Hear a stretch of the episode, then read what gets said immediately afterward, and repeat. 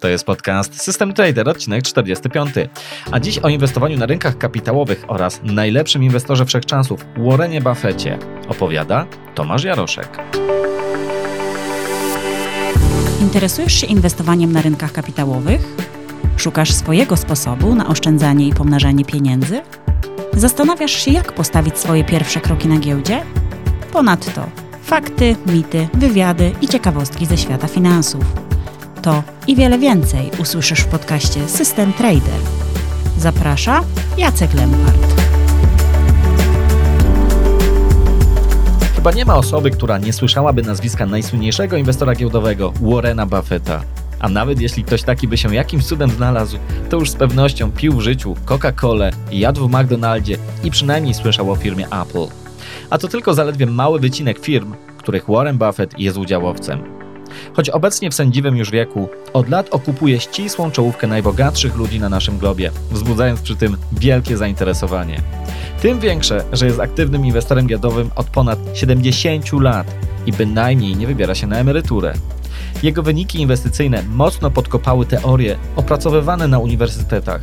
Świat akademicki latami podejrzewał, że sukces Buffetta to dzieło przypadku. Teorie takie jednak coraz bardziej skryczały w zderzeniu z rzeczywistością.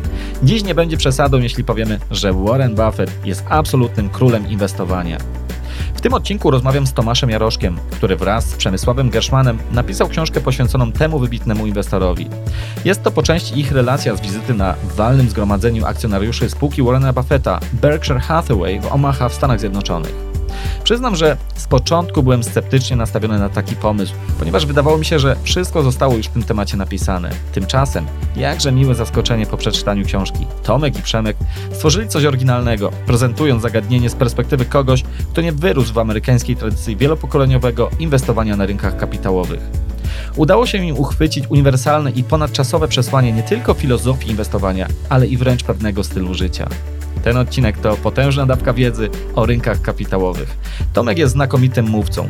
Mam nadzieję, że uda się tym odcinkiem dołożyć cegiełkę do budowania kultury odpowiedzialnego inwestowania w naszym społeczeństwie. Zapraszam serdecznie. Cześć Tomku, co dobrego u Ciebie słychać? Cześć, dzień dobry. Bardzo dobrze się zaczyna tydzień.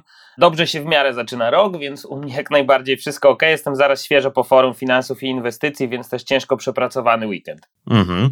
A ja jak zwykle mało oryginalnie zacznę ten odcinek, czyli poproszę Cię, pomimo tego, że jesteś znany w polskiej blogosferze i też na YouTubie, wśród inwestorów, w tym całym środowisku inwestorskim, żebyś kilka zdań o sobie opowiedział, kim jesteś, co robisz, czym się zajmujesz. No właśnie, tak jak już zacząłeś, ja jestem przede wszystkim blogerem finansowym, ale też inwestorem indywidualnym. Wcześniej byłem dziennikarzem finansowym i stąd trochę się wszystko zaczęło, że najpierw pisałem, nagrywałem o finansach dla różnych mediów finansowych, w tym chociażby takich dużych portali jak bankier.pl i później po prostu zmieniłem nawet nie tyle to, co robię, a gdzie to robię, czyli już na własny rachunek, na własnych mediach, na własnych blogach y, zmieniłem media tradycyjne na blogosferę, a przy tym od ponad 10 lat jestem inwestorem indywidualnym i stąd trochę też wynikają te treści, o których mówię, bo sam bardzo lubię tę tematykę, cały czas się ciągle o niej uczę i chętnie przekazuję tę wiedzę dalej. E, nagle się okazało, że faktycznie brakuje takich treści dla początkujących i, i chyba umiem całkiem nieźle je przekazać,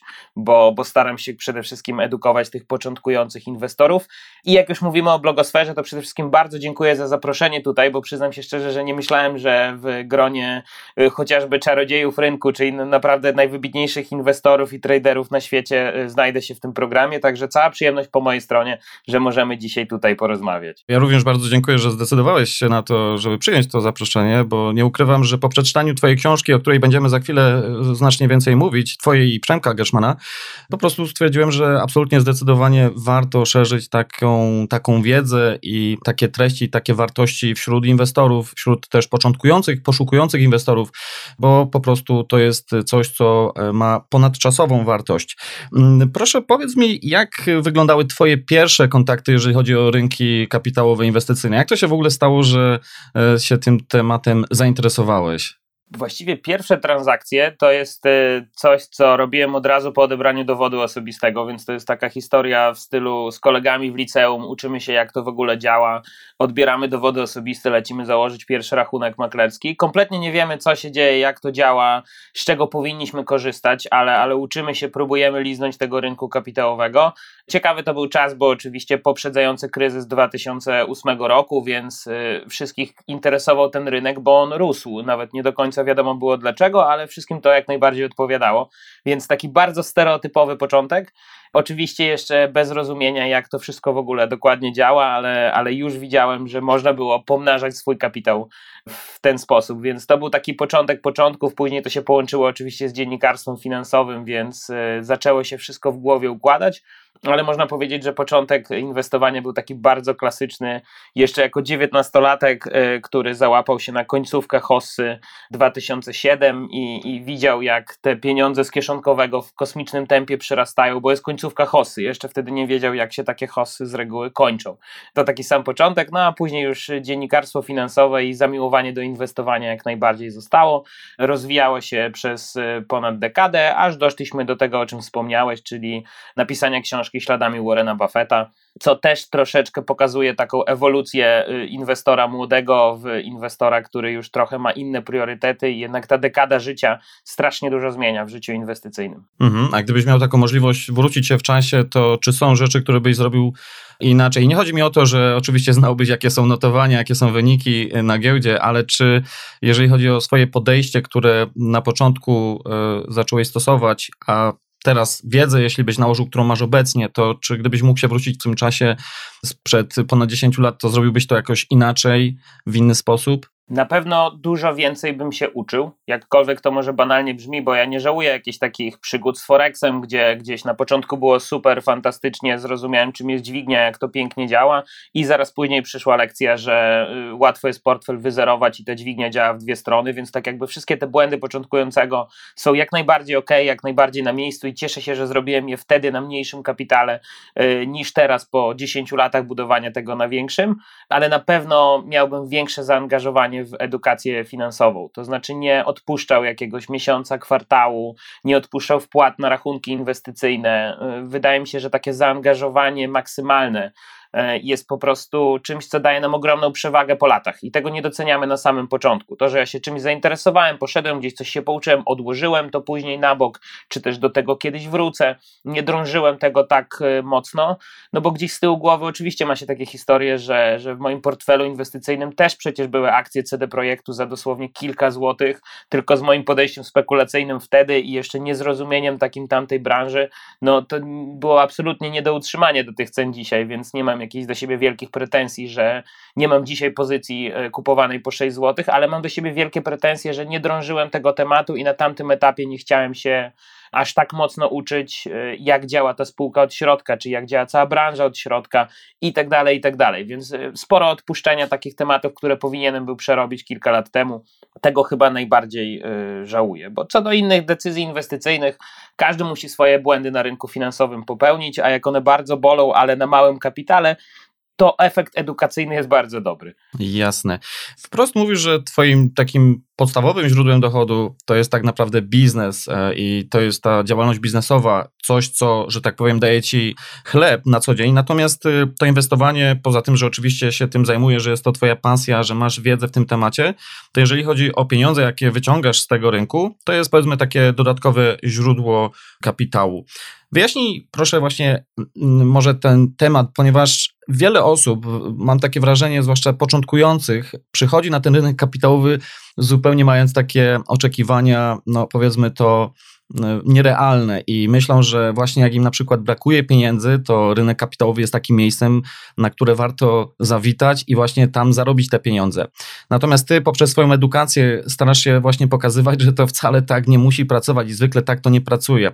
Także jakbyś mógł tutaj w kilku zdaniach opowiedzieć, jak to właśnie wygląda w Twoim przypadku i jak warto tutaj e, podchodzić do tego tematu, zwłaszcza jeżeli się jest osobą początkującą. Bardzo mocno staram się odczarować właśnie to, o czym powiedziałeś, że ten początkujący adept inwestowania od razu widzi, że ktoś mówi o inwestowaniu, więc na pewno żyje z inwestowania, czy tam jest profesjonalnym inwestorem, który już tylko to w życiu robi.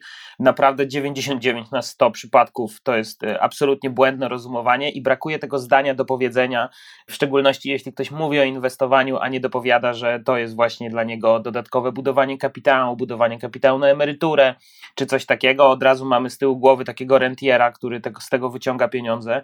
Y, ty masz świetny wpis na swoim blogu o tym właśnie, czy da się żyć z inwestowania, czy da się z tego utrzymać, który tak bardzo transparentnie pokazuje tam od tych kilkuset procent rocznie nierealnych y, do tych urealnionych stóp zwrotu nawet tych najlepszych inwestorów i pokazuje to jasno, że musimy mieć naprawdę nie dość, że strasznie dużo czasu, odporną psychikę, to jeszcze bardzo pokaźne konto maklerskie, żeby w ogóle myśleć o tym, żeby się utrzymywać z rynku kapitałowego. I ja to zawsze dopowiadam, bo jak zacząłem mówić o inwestycjach na YouTubie, to naprawdę dostałem masę maili właśnie w tym temacie. Czy ja żyję tylko z giełdy, czy ja w ogóle mogę zarządzać cudzymi pieniędzmi, co jest trochę przerażającym wnioskiem, że się dostaje takie maile po kilku filmikach na YouTubie ale, ale dlatego staram się bardzo to odczarować. Jest dużo ludzi, którzy, czy nawet w polskiej części finansów, czy międzynarodowo, wystarczy, że pokazują jakieś swoje wybrane transakcje, a w szczególności na większych pieniądzach i od razu wskakują na pole guru finansowego, który żyje tylko z giełdy, bez dopowiedzenia tego, że na przykład mają gigantyczną firmę obok.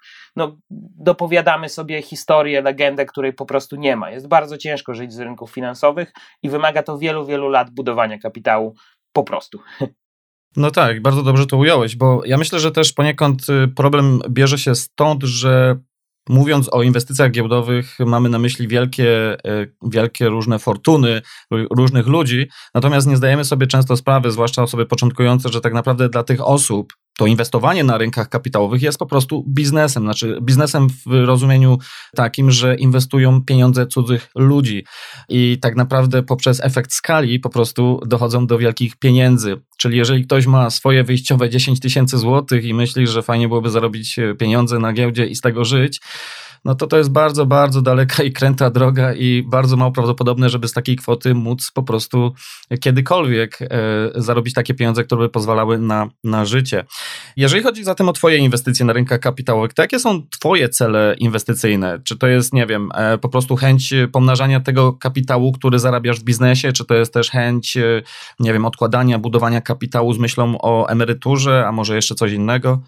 Nie staram się ustawiać takiego konkretnego celu, typu, że to są pieniądze na emeryturę, czy to są pieniądze, które tam później przekażę dzieciom i tak dalej, bo gdzieś mam z tyłu głowy, że w najbliższych latach, czy w ogóle w życiu człowieka może się wydarzyć tyle rzeczy, że no w najgorszym scenariuszu może się okazać, że jest na przykład kapitał potrzebny na leczenie, gdybym miał jakąś ciężką chorobę, więc trochę wychodzę z tego założenia, że trzeba budować swój kapitał. Jak się go buduje po prostu oszczędzając, używając takich instrumentów jak lokaty i obligacje, to ok, ale jeśli ktoś lubi inwestować, jeśli tego interesuje, czy jest to taka pasja, tak jak w moim przypadku, no to nawet jeśli nie ma tego celu konkretnego, emerytalnego, bo ja w swojej branży blogowej, czy twórczej, kreatywnej nie zakładam, że e, w wieku 65 lat ja zamykam komputer i już tylko czekam, aż wpadnie dywidenda i emerytura z ZUS-u. Ja raczej zakładam, że podobnie po prostu będę chciał cały czas pracować i żyć aktywnie, ale niech ten kapitał się buduje, niech on będzie e, bezpieczną, trochę taką odnogą finansową, kolejną, która może z czasem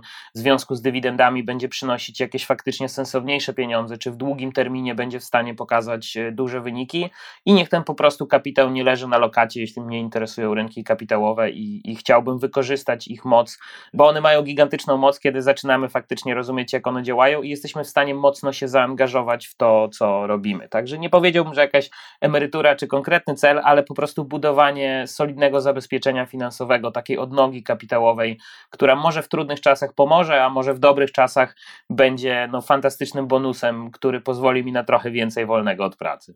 Rozumiem. Na Twojej stronie internetowej, jak i też na kanale YouTube e, jest dużo materiałów edukacyjnych, które tłumaczą, jak e, w ogóle ugryźć temat inwestowania.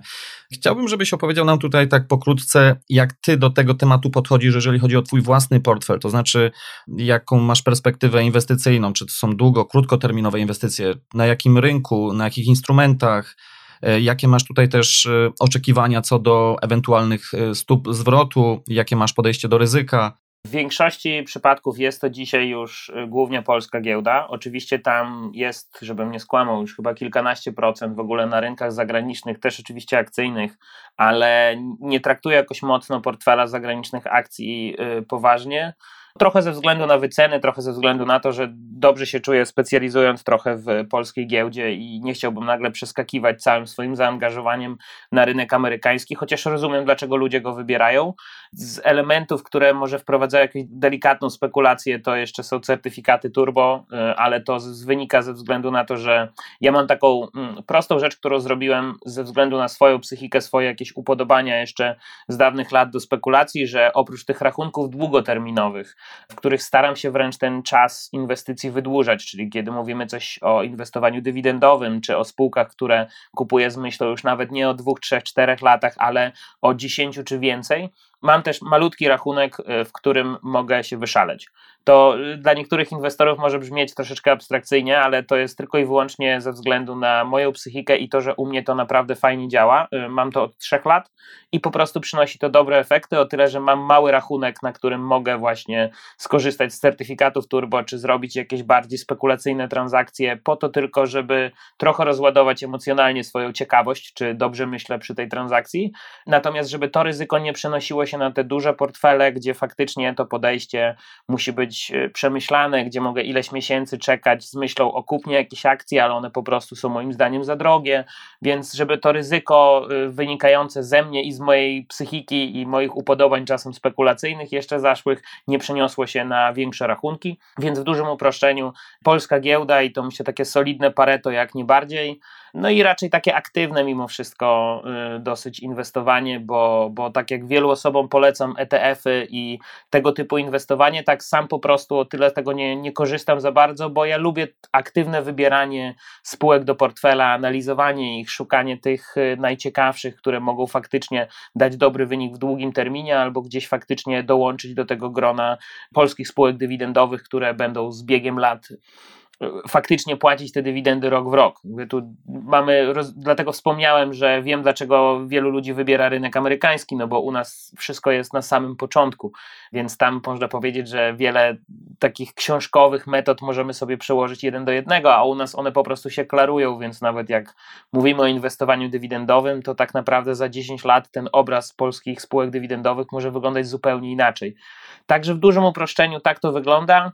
Co do jeszcze profilu ryzyka, ja mogę sobie pozwolić na troszeczkę większe ryzyko ze względu na to, że po prostu nie mam jeszcze dzieci i nie mam wielkiego kredytu hipotecznego i całkiem dobrze zarabiam na własnej działalności, a to są nadwyżki finansowe, które po prostu wskakują już poza poduszką bezpieczeństwa, poza oszczędnościami, wskakują na rachunki maklerskie. I celowo mówię tak, a nie przekładając jakieś procenty, czy to jest 15, 20, 25%, jak patrzę ewentualnie, gdyby się zmniejszył ten kapitał, bo wydaje mi się, że my bardzo często w inwestowaniu, w szczególności początkujący, patrzą głównie na cyferki, liczby, konkrety, natomiast nie przekładają tego na swoją psychikę i to, jak są w stanie w ogóle podchodzić do inwestowania.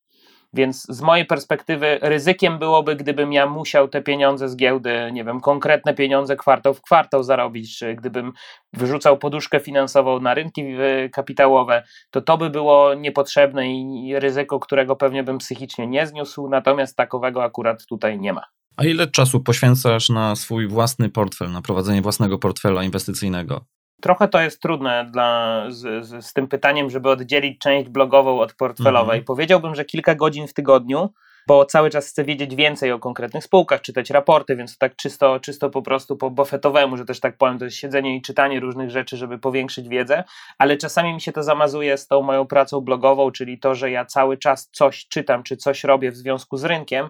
Pytanie, kiedy to faktycznie ma przełożenie na portfel, a kiedy nie, więc tak dla uproszczenia powiedziałbym, że tych kilka godzin w tygodniu spokojnie poświęcam na doczytywanie chociażby, czy dowiadywanie się o samych spółkach, czy branżach, które są u mnie w portfelu.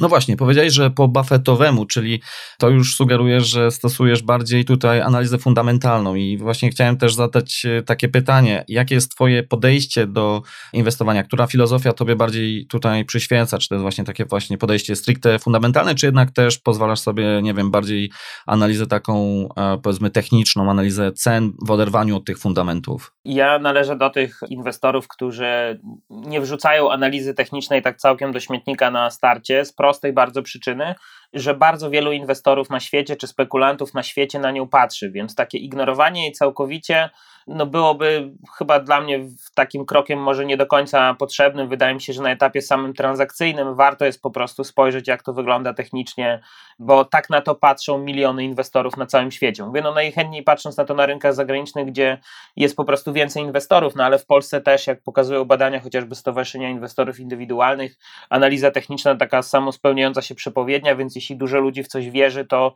warto zerknąć, jak to wygląda na wykresie, chociażby w momencie kupowania akcji, ale faktycznie analiza fundamentalna jest w tym momencie ważniejsza, a nawet bym powiedział, zrozumienie dokładne biznesu i branży, w której spółka funkcjonuje bo my tak często upraszczamy sobie, że lewe drzwi to są analitycy fundamentalni, za prawymi drzwiami są analitycy techniczni i tak jakby tam nie było jakiejś łączonej drogi, czy, mm, czy, czy, czy inwestowanie nie jest aż takie proste, że wybieramy bramkę w teleturnieju i to będzie tylko ta opcja.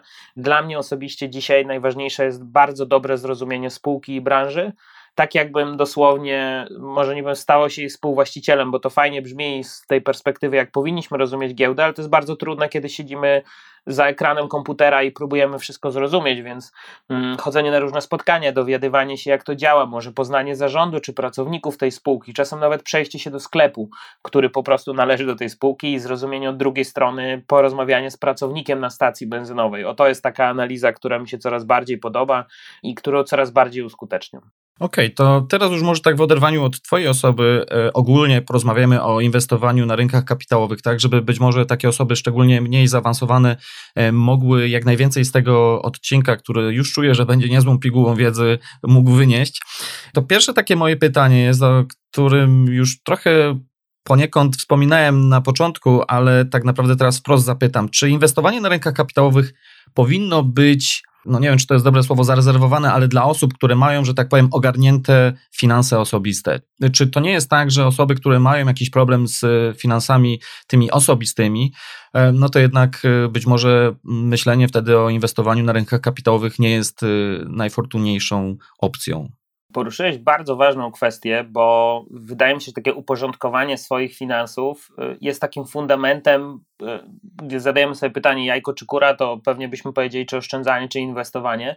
I bez oszczędzania, chociażby tak jak Warren Buffett mówi, czy wielu innych e, inwestorów z całego świata, bez oszczędzania nie byłoby kapitału na inwestowanie. I ja też wielki błąd popełniłem edukacyjny, że prowadząc na YouTubie swój portfel 10K, który miał dosyć sporą popularność, nie dodawałem w każdym odcinku i wszędzie, że ten 10K powinien się zmienić w 15, 20, 30, 40K, bo powinniśmy przesuwać nasze oszczędności na rynek kapitałowy. Tak jak powiedziałeś, wiele osób wyobraża sobie, że z jakiejś sumy zrobi się zaraz kolejna większa suma, czy to z użyciem dźwigni, czy po prostu rynku kapitałowego, że wystarczy włożyć jedną kwotę i tam nie dokładać i to ona będzie się pomnażać, co jest chyba jednym z takich najpaskudniejszych mitów wśród początkujących ale jak najbardziej uważam, że finanse osobiste to jest coś, co powinniśmy zdecydowanie sobie poukładać.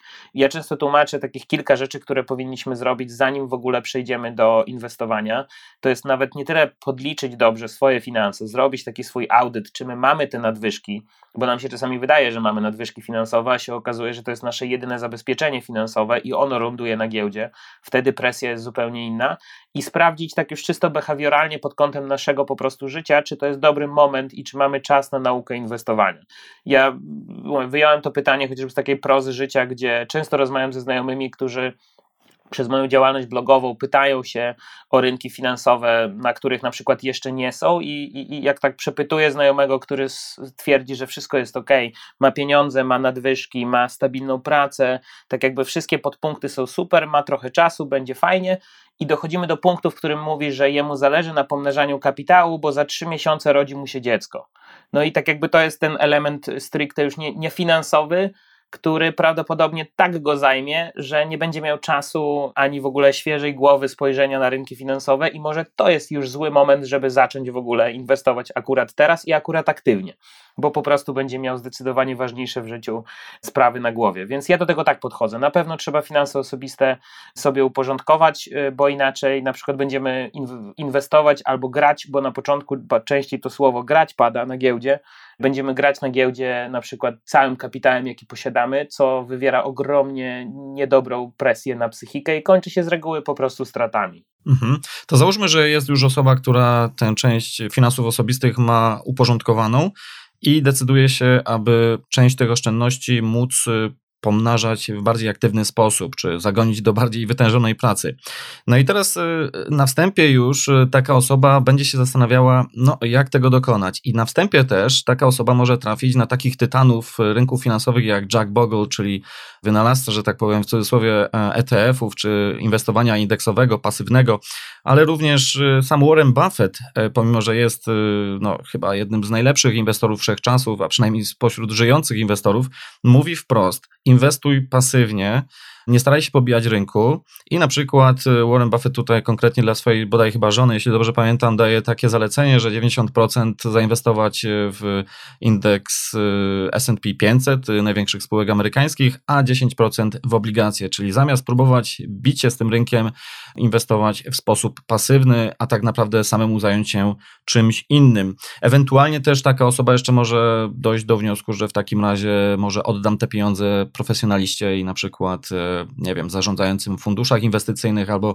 usługom, e, które teraz też coraz powiedzmy są bardziej popularne w Polsce jak robodoradcy. Jak ty to widzisz ze swojej perspektywy, Tomku? Pełna zgoda, że jeśli ktoś się nie chce interesować tym rynkiem, nie chce aktywnie inwestować, ale chce pomnażać pieniądze, to ETF-y i pasywne inwestowanie to jest fantastyczne rozwiązanie, którego na polskim rynku po prostu brakowało.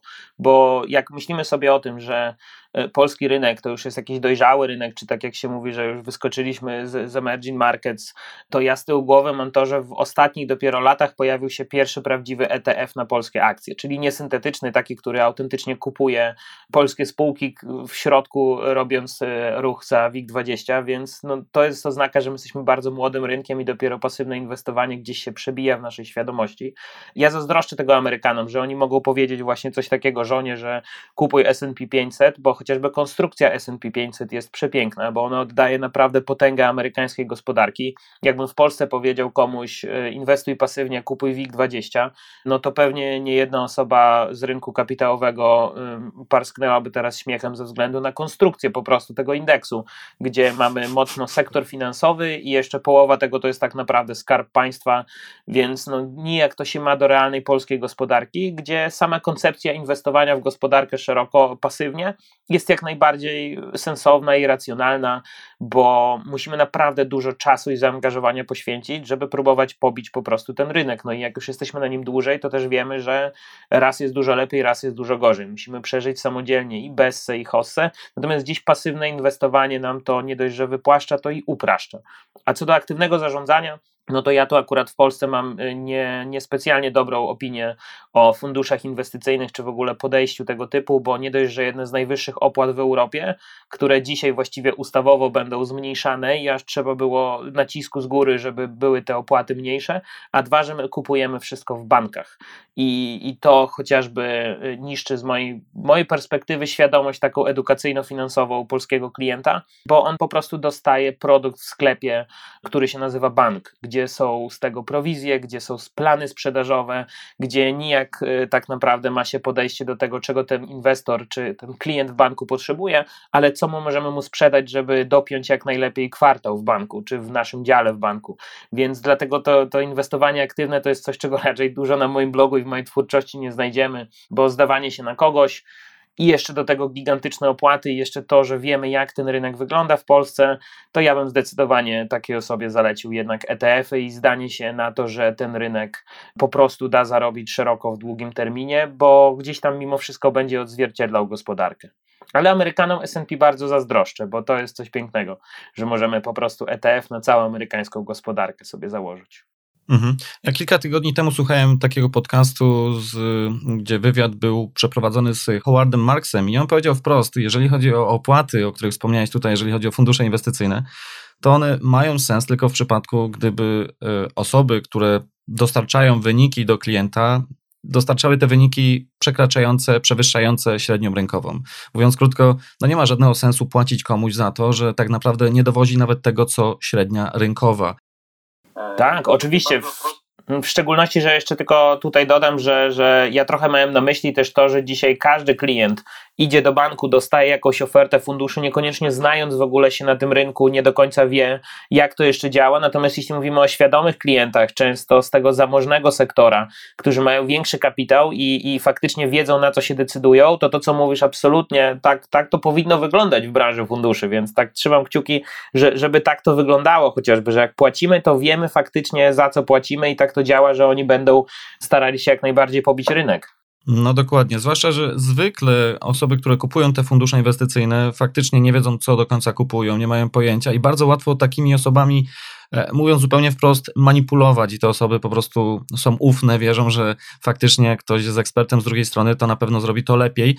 Tymczasem taka moja e, mała dygresja jeszcze odnośnie na przykład indeksu S&P 500, to faktycznie tak naprawdę, no mówimy tutaj o inwestowaniu pasywnym, ale w gruncie rzeczy jest to też forma strategii, bo to nie jest tak, że te spółki są oczywiście ustalone raz na zawsze, te spółki się zmieniają i te spółki, które sobie radzą lepiej, no zostają w tym indeksie, spółki, które, że tak powiem, gdzieś tam powiedzmy się zapuszczą, puszczą, e, wylatują z tego indeksu, czyli e, jest ciągła rewizja tych indeksów, więc w gruncie rzeczy e, nawet jeżeli ktoś by się decydował na takie pasywne inwestowanie w taki indeks jak S&P 500, to tak naprawdę będzie miał zawsze w portfelu, no to można powiedzieć elitę amerykańskiej gospodarki w portfelu.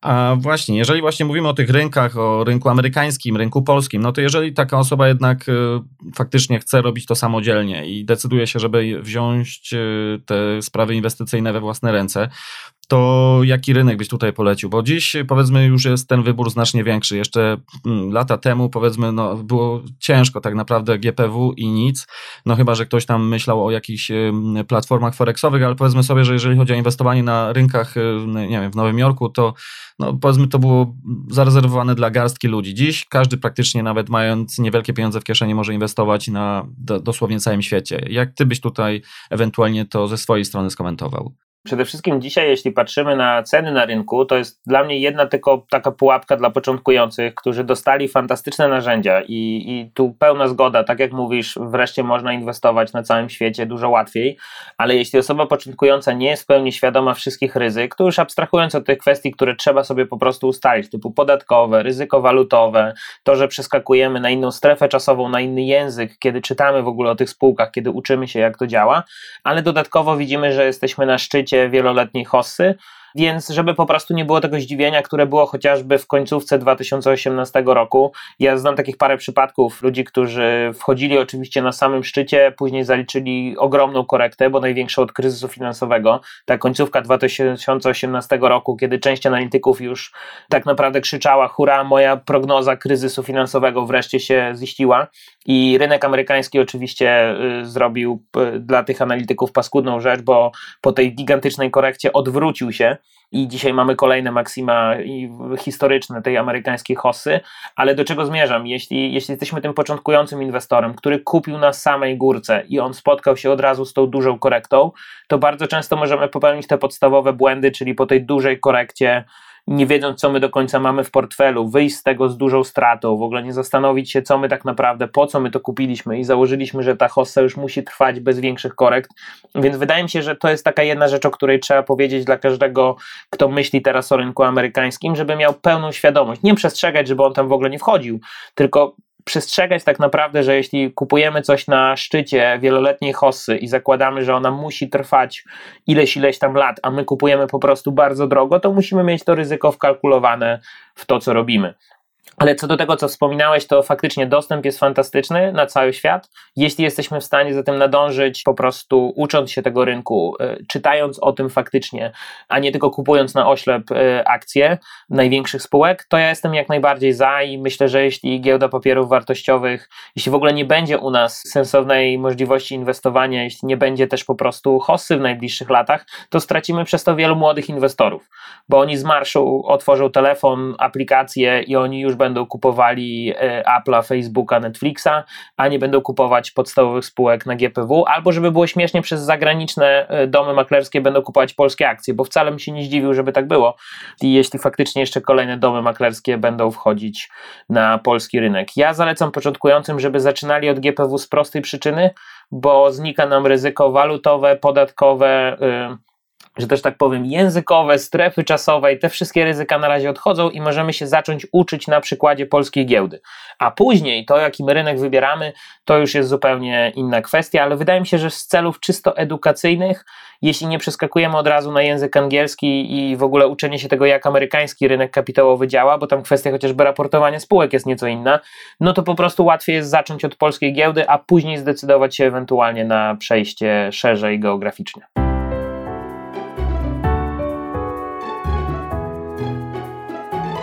A jeżeli chodzi o metodologię, bo załóżmy, że ktoś jednak decyduje, że będzie sam chciał aktywnie zarządzać swoim portfelem, czyli nie będzie takim pasywnym inwestorem, no to też na wstępie taka osoba ma od razu dużo różnych opcji do wyboru, od analizy technicznej, fundamentalnej. Jak tutaj wypracować strategię? Jak w ogóle dowiedzieć się, która strategia będzie dobra, dobra dla nas i, i skuteczna dla, dla naszego działania? Czy jest tutaj jakaś recepta, czy po prostu niestety trzeba przejść pewną ścieżkę, spróbować różnych rzeczy, robić, starać się to robić ostrożnie, ale jednak nie ma takiej złotej rady, która od razu e, wszystko wyjaśnia.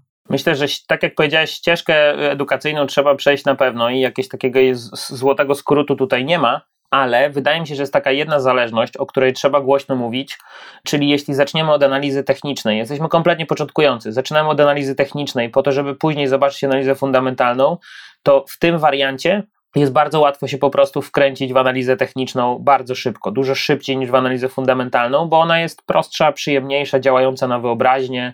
E, gdybyśmy zrobili to w dokładnie odwrotnej proporcji, czyli zaczęli sobie od analizy fundamentalnej, natomiast później ktoś by nam pokazał, że można rysować e, przeróżne rzeczy na wykresie i one podobno działają, no to tak już troszeczkę wyśmiewając całe założenie, e, wydaje mi się, że racjonalnie patrząc na to, zaczynając od fundamentalnej, patrząc na techniczną, inaczej patrzymy na świat niż zaczynając od technicznej i patrząc na to fundamentalną, która daje efekty w długim terminie, jest dużo trudniejsza do zrozumienia i tak dalej, więc jest po prostu większe prawdopodobieństwo, że wskoczymy szybko w tą techniczną, no i niestety nie zaczniemy w ogóle tej fundamentalnej. I mówię to troszeczkę z doświadczenia, bo też byłem na wielu szkoleniach analizy technicznej, też całą wielką książkę Murphy'ego przerobiłem i przeróżne rzeczy już na wykresie y, widziałem i szukałem i, i dzisiaj trochę się z tego śmieję, że za mocno się wkręciłem przez jakiś tam pewien czas w młodości na studiach w analizę techniczną, ale dla początkujących y, to, to, to, teraz rozumiem tak naprawdę ten efekt, dlaczego ona tak pobudza wyobraźnię, dlaczego ona tak upraszcza życie.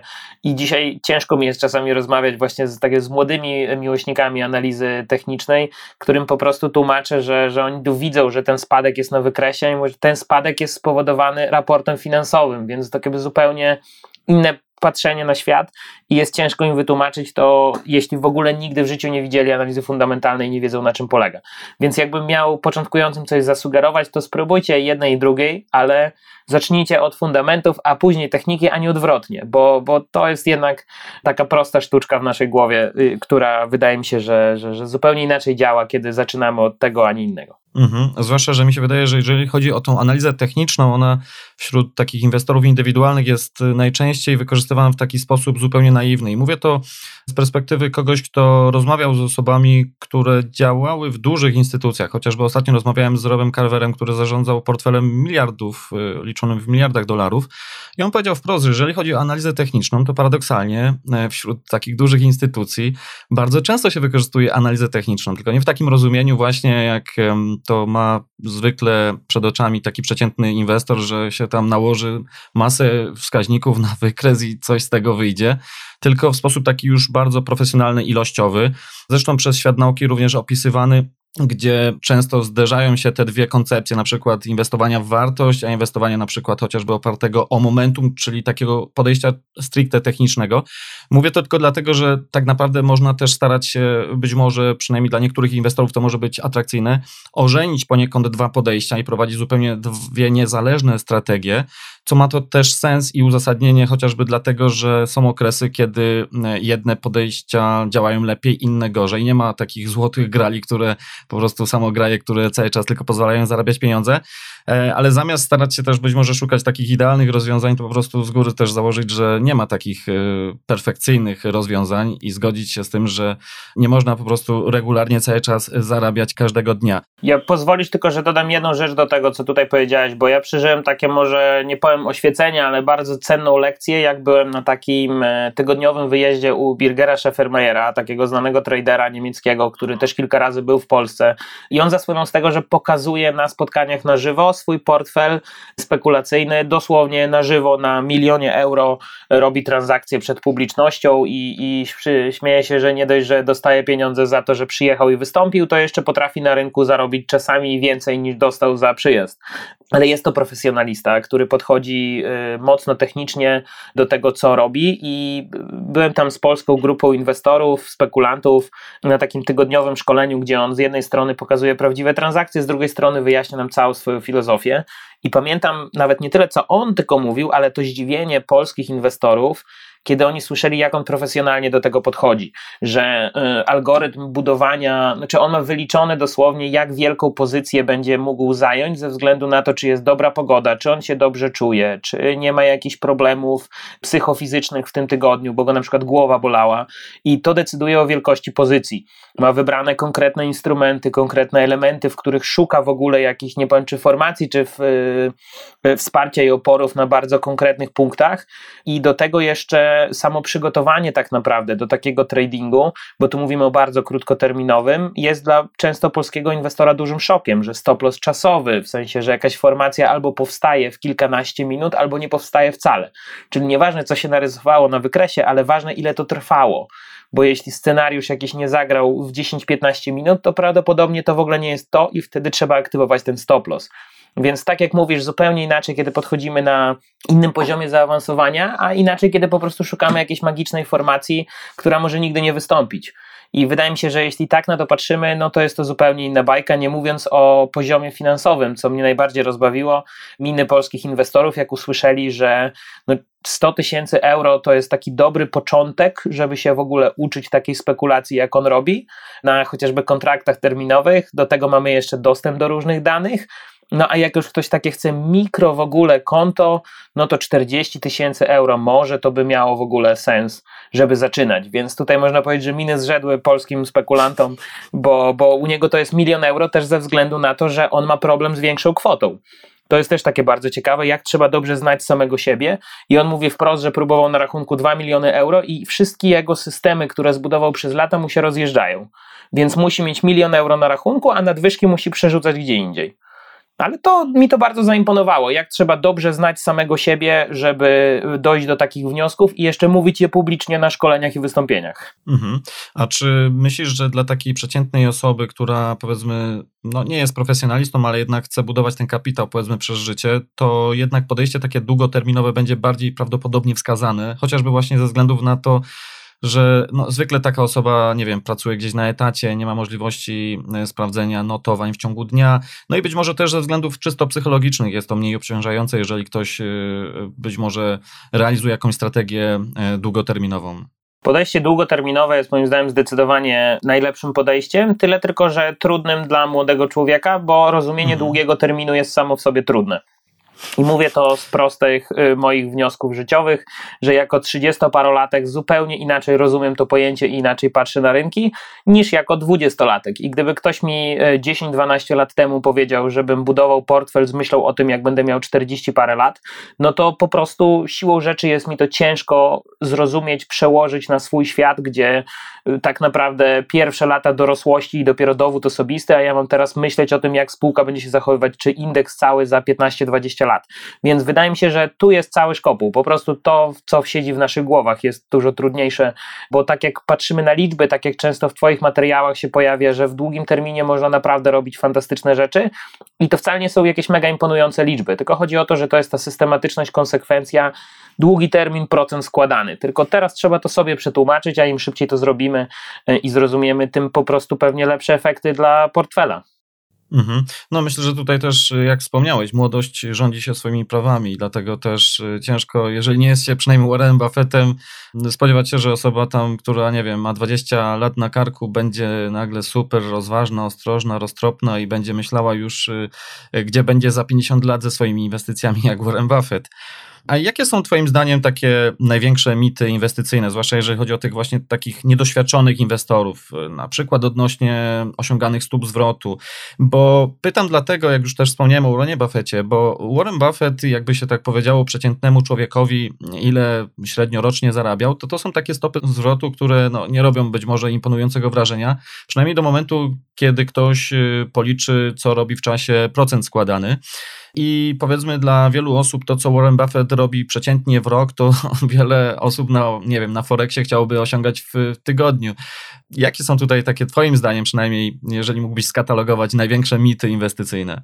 Y, no to na pewno co powiedziałeś o urealnieniu trochę swoich oczekiwań i stóp zwrotu, że szukanie tych kilkudziesięciu procent, już nie mówię o setkach procent, to często jest po prostu przypadek albo właśnie trochę szczęścia, szczęśliwy rok. No ja też miałem okazję parę przygód forexowych w życiu mieć i, i, i faktycznie tam się zdarzały bardzo dobre wyniki, ale zdarzały się też tragiczne i bardzo szybko refleksja, że ten rynek jest w zasadzie nie do pokonania. Znaczy, może to jest źle powiedziane, bo tak jakby rynku kapitałowego, akcji, no też czasami nie o to nam chodzi, tylko żeby jakoś być mądrzejszym od rynku, tylko chodzi o to, żeby koniec końców zarobić, ale chodzi mi o to, że inwestor indywidualny, który wskakuje na Forex z małym kapitałem i z małą wiedzą, no w zasadzie jest jak y, owad w starciu z samochodem i to jest tylko kwestia czasu, w którym momencie y, uda mu się ileś samochodów ominąć i na któryś po prostu trafi.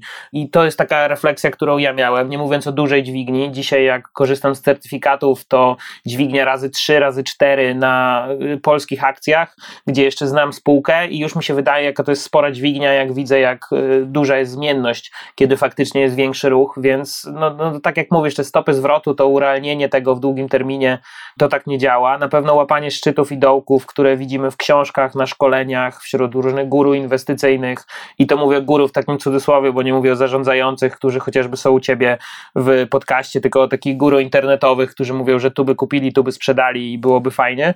Ja też mam kilka takich screenów e, dla w zasadzie żartu, że niechcący udało mi się złapać dołek i to będzie taki screen szkoleniowy kiedyś, jak, jakbym e, zdecydował się na jakieś magiczne szkolenia i takich kilka w życiu złapałem i absolutnie trzeba mieć świadomość, że to jest często kwestia szczęścia czy tego, że faktycznie mieliśmy ten moment, który gdzieś tam złapaliśmy zgodnie z rynkiem, ale to jest absolutnie niemożliwe, czy równo te wyniki rok w rok. Po prostu nie ma inwestorów nieomylnych, każdy zaliczał w topy mniejsze, większe.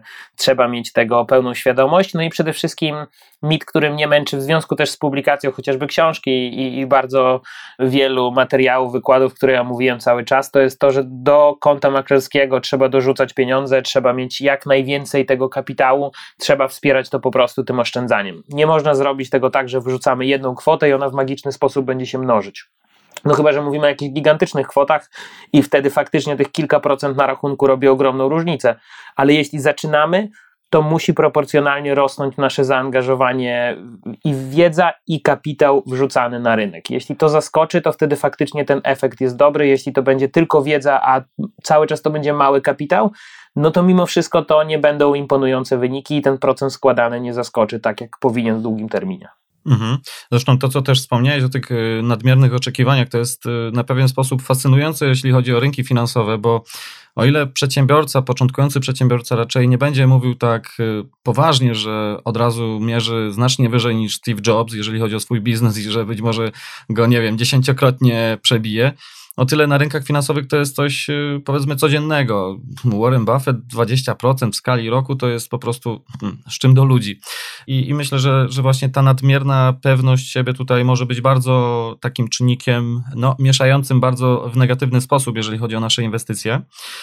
A Ponieważ mój e, w ogóle podcast i, i blog e, w nazwie ma System Trader, chociaż to niekoniecznie też, jeżeli chodzi o to słowo trader, tak oznacza, że ma to odniesienie do krótkoterminowych spekulacji.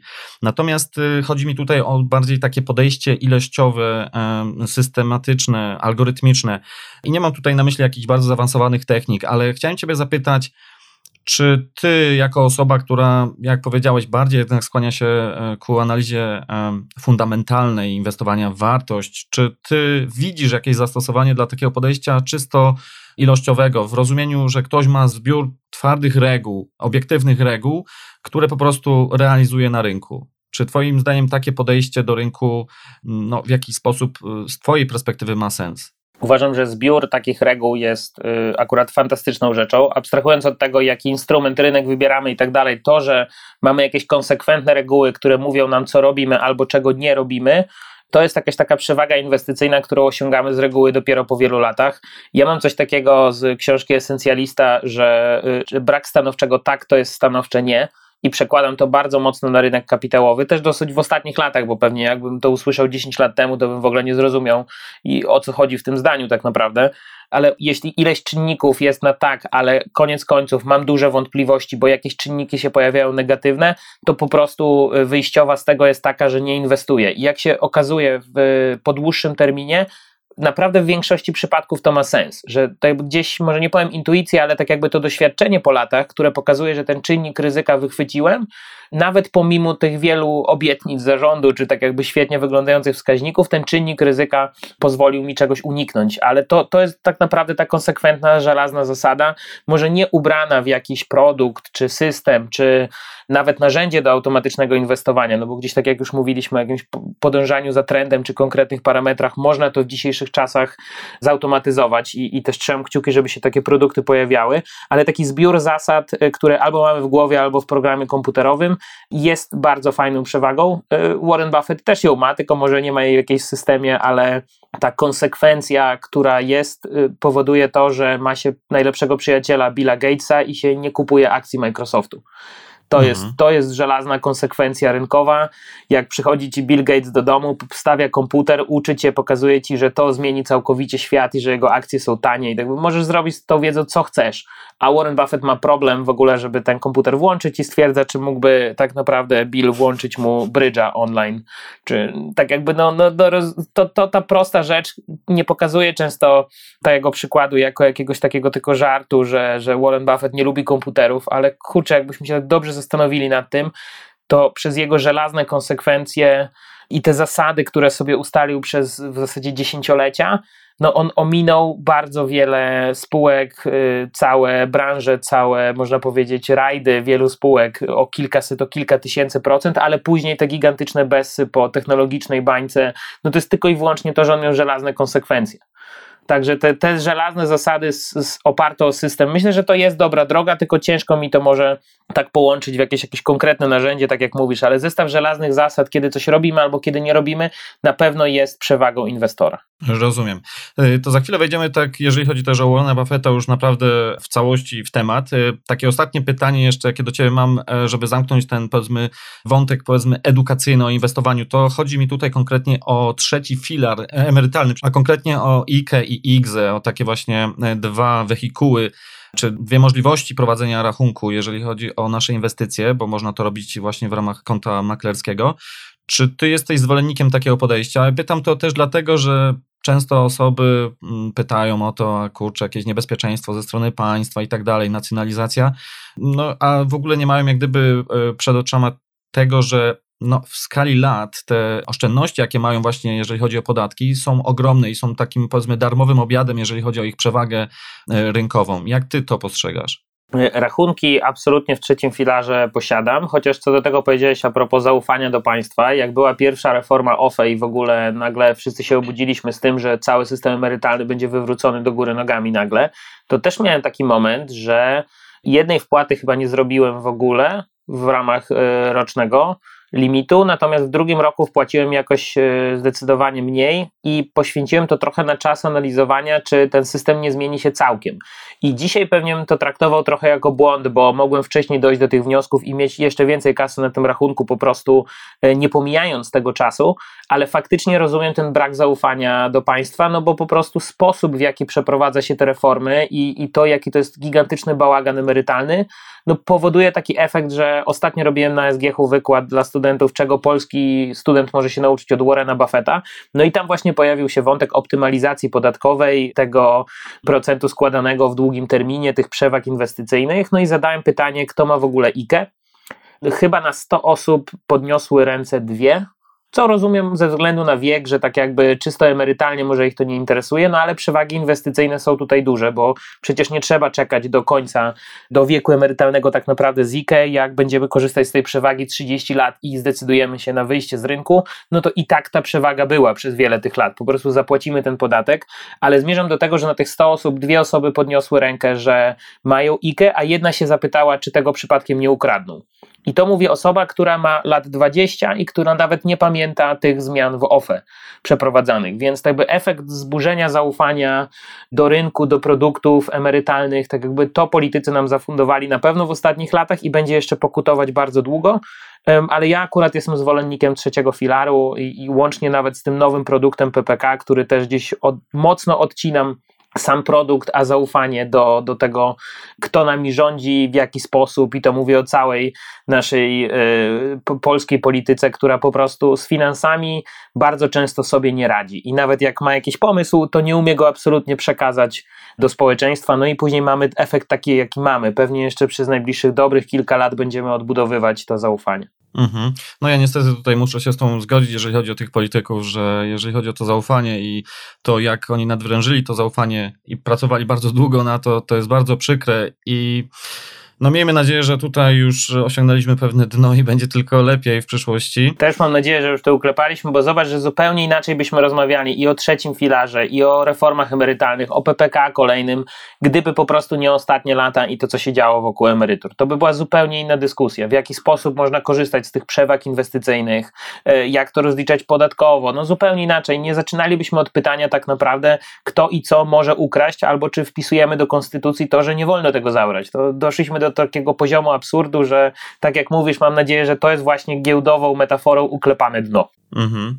Okej, okay. no to zamykamy ten temat i wchodzimy już e, w tematykę wokół książki, którą e, popełniłeś razem z e, Przemkiem Gerszmanem. Przede wszystkim ogromne gratulacje dla Ciebie i dla Przemka, bo jeżeli chodzi o książkę Śladami Warrena Buffetta, ponieważ przyznaję zupełnie szczerze, że moja taka pierwsza reakcja gdzieś tam zobaczyłem info o planie takiej książki była w stylu no, co można więcej tak naprawdę w tym temacie napisać? Już od dziesięcioleci, że tak powiem, piszą ludzie na temat Warrena Buffetta, ponieważ jest to taka osoba tego formatu, że każdy stara się coś jeszcze e, nowego tutaj dołożyć od siebie. I tymczasem okazuje się, że właśnie to przybliżenie postaci Warrena Buffetta z perspektywy osób żyjących w Polsce według mnie robi taką bardzo, bardzo dużą pozytywną różnicę, bo Niejako jest to taka forma oswajania polskiego inwestora właśnie z tym odległym rynkiem kapitałowym w Stanach Zjednoczonych i pokazuje też y, to, że praktycznie mając dosłownie kilkaset złotych w kieszeni, można e, być już udziałowcem w spółce Warrena Buffetta, wręcz inwestować jak Warren Buffett. I być może dla takich osób początkujących, bo starałem się to właśnie nieco tak przełączyć swoje myślenie na osobę, która zupełnie pierwszy raz styka się z tym rynkiem finansowym, rynkiem kapitałowym. I w tym kontekście taka książka robi, no, moim zdaniem, fenomenalne zadanie. I książka ma też taki ponadczasowy według mnie wymiar, bo w świecie zdominowanym przez tą taką pogoń za szybkimi zyskami, za dużymi zyskami, dużo słyszy się o Forexie, o Bitcoinie, a tutaj przedstawiacie zupełnie odmienną filozofię, i to nie tylko nawet w podejściu do inwestowania, ale wręcz do życia, zaryzykuję takim stwierdzeniem. I to wszystko razem e, łącznie no, tworzy super produkt, także naprawdę szczere, wielkie gratulacje. A tak przy okazji, ta książka była chyba też wydana w modelu self-publishingu, tak? Tak, dokładnie. Bardzo, bardzo dziękuję, bo zadawaliśmy sobie dokładnie to samo pytanie, od którego zacząłeś. Y, w sensie, czy jesteśmy w stanie wnieść coś więcej na rynek mhm.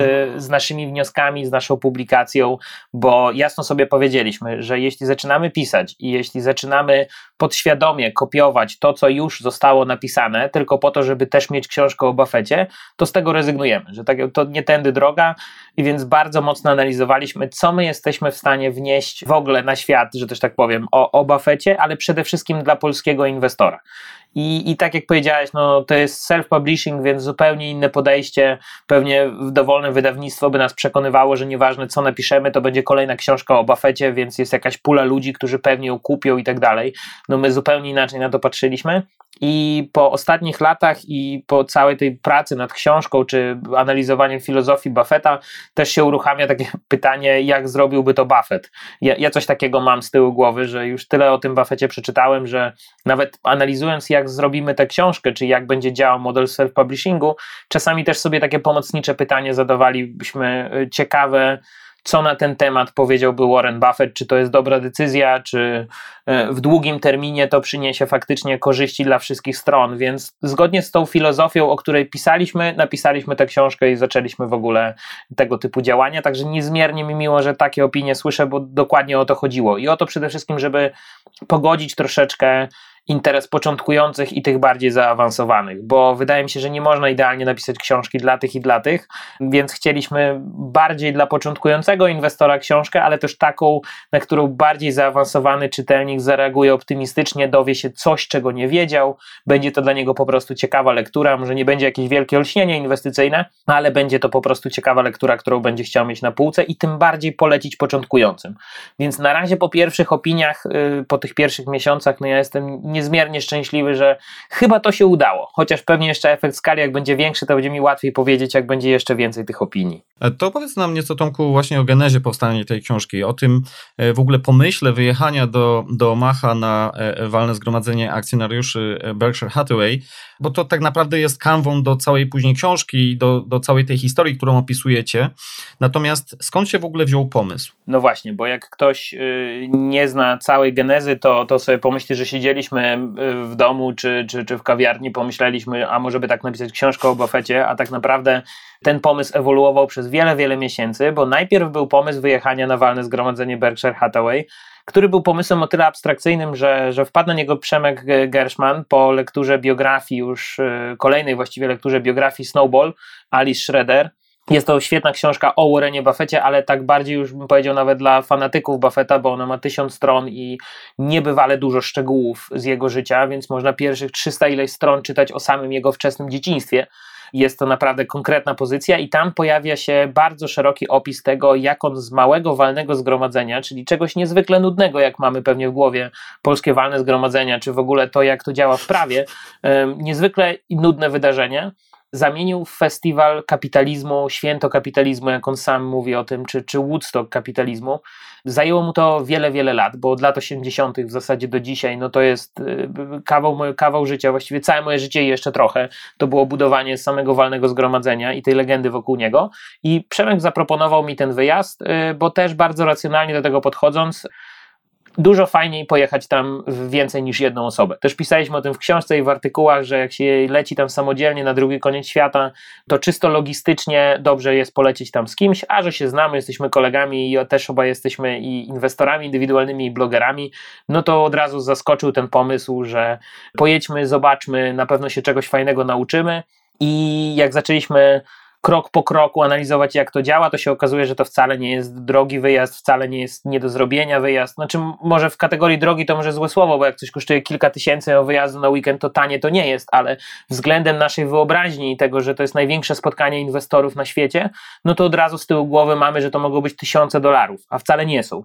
Więc taki był pomysł, a dopiero później, kiedy już byliśmy na tym walnym zgromadzeniu i w zasadzie kiedy je opuszczaliśmy, bo to walne zgromadzenie rozrasta się do kilku dni, a my jeszcze pojechaliśmy na kilka dni dłużej, żeby zobaczyć Omaha i to, jak w ogóle y, świat Warrena Buffetta wygląda naprawdę.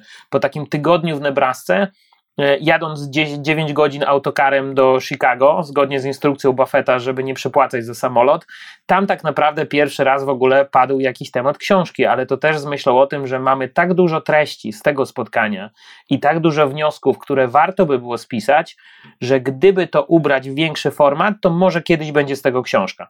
I dopiero ten pomysł przez ileś miesięcy ewoluował, no bo nie chcieliśmy zrobić książki o tym, jak pojechaliśmy na tydzień do Omaha. Jakby to musi być dużo większa wartość dodana dla czytelnika i dopiero po iluś miesiącach udało się ten pomysł wyklarować, więc to była długa droga, ale taka bardzo przemyślana, żeby to naprawdę miało ręce i nogi dla tego finalnego czytelnika, który dostanie do rąk własnych tę książkę, bo to nie jest sztuka napisać książkę w dzisiejszych czasach z możliwościami self-publishingu. Jakby nie o to nam chodziło, nam chodziło o to, żeby w długim terminie to zaskoczyło. No i teraz największy test pewnie kiedyś będzie, jak ona dostanie wersję anglojęzyczną i zobaczymy, co inni inwestorzy na całym świecie po prostu będą myśleć o naszym podejściu do Warrena Buffetta, podejściu polskich inwestorów czy inwestorów z Europy Środkowo-Wschodniej. Tak jak zaznaczyłeś, to jest bardzo istotne, kto to pisze. I to nie w kategorii, że ja i Przemek, tylko że to są polscy inwestorzy na bardzo młodym rynku, którzy też nasłuchali się przez tyle lat tych legend o Warrenie Buffetcie i chcą parę mitów po prostu odczarować i, i napisać taką książkę dla każdego początkującego tu i teraz. No, zwłaszcza, że jeżeli chodzi o język angielski, to większość osób, która posługuje się na świecie językiem angielskim, to nie są osoby, dla których to jest pierwszy język ojczysty. I dla takich osób y, prawdopodobnie reakcja na, na, na, taką książkę będzie podobna jak dla czytelnika z Polski, dlatego też faktycznie pomysł jest bardzo ciekawy. A czy w Waszym podejściu do postrzegania procesu inwestowania, sam wyjazd i cała ta historia zmieniło coś? Mm, ja na pewno lepiej zrozumiałem, co to znaczy długi termin i przywiązanie jako konsument do spółki.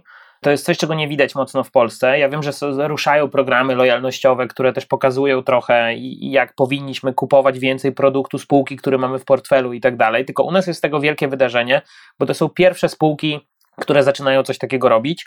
Natomiast y, tam to jest absolutnie normalne jeśli mam jakieś spółki w portfelu, to chcę kupować ich produkty, chcę być automatycznie ambasadorem tych spółek, bo przecież jak polecę to rodzinie, to jest dobry produkt i tak dalej, to ona nabija kasę spółce, którą ja mam de facto w portfelu. Więc ten takie koło kapitalizmu y, tutaj jest pełne zatoczone.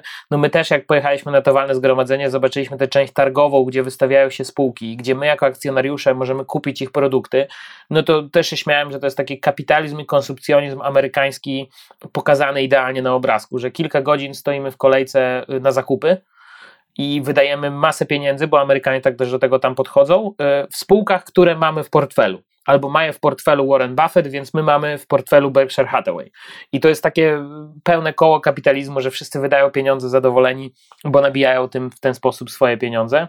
Więc to na pewno zrozumienie tego jest dużo lepsze, że częściej zaglądam do sklepów spółek, które posiadam, czy patrzę na produkty, bo do tej pory na pewno grałem w gry spółek, które mam. To, to dużo akurat mi dało, że mogę jako pierwszy, jako konsument zobaczyć tak naprawdę, jak wygląda dany produkt, ale też staram się przy innych spółkach też to częściej robić. Na pewno rozumienie długiego terminu, bo mówię, no mimo wszystko, to już nie jest 20-latek, ale 30-latek też ma co innego w głowie niż 50 czy 60-latek, a tam bardzo wielu jest takich inwestorów. Tam dosłownie często przyprowadzano, nie, mam nadzieję, że nie na siłę, ale tak jakby chcieli bardzo mocno zaszczepić to inwestowanie w, z filozofią Warrena Buffetta młodym pokoleniom, więc widzieliśmy nieraz ojca z synem, czy całe rodziny, które przychodziły na walne zgromadzenie, żeby pokazać tę kulturę Berkshire Hathaway, jak to się mówi Berkshire Family u nich, więc y, to na pewno było coś takiego oświecającego. No i zdecydowanie uświadomienie sobie, jak młody jest nasz rynek bo my to możemy powiedzieć tysiąc razy, ale i tak ktoś sobie powie, że jest już naście lat na tym rynku i, i, nie jest zadowolony, bo już powinno być dużo lepiej i tak dalej. No, w perspektywie długiego terminu jesteśmy na samym początku i naprawdę za 20 lat będziemy opowiadać dzieciom czy młodszym adeptom inwestowania o tym, jak to było w 2020, kiedy tam się podnosiliśmy z tych wszystkich problemów rynku kapitałowego, bo to już będzie historia młodego rynku i w zasadzie jej początki. To jest coś, co mi tak zostało w głowie, że my jesteśmy naprawdę na, na początku względem tego amerykańskiego wielkiego rynku. A jak y, planowaliście ten wyjazd, czy przeszedł przez głowę, chociaż wiem, to brzmi śmiesznie, pomysł dotarcia bezpośrednio do Warrena Buffetta i poproszenie go o wywiad. Ja wiem, że to brzmi wręcz komicznie, ponieważ człowiek już na tym poziomie i też powiedzmy w określonym wieku, no to raczej pewnie takich propozycji on tam ma tak dużo, że pewnie to byłoby jego jedyne zajęcie, ale czy w ogóle wam przeszło przez myśl coś takiego, żeby starać się dotrzeć do niego bezpośrednio? Wiesz, myślę, że ta nasza rozmowa to jest dobry moment, żeby pokazać z tych kulis coś, czego aż tak wcześniej nie mówiliśmy, że my też staraliśmy się zachowawczo dowieść to, co obiecaliśmy.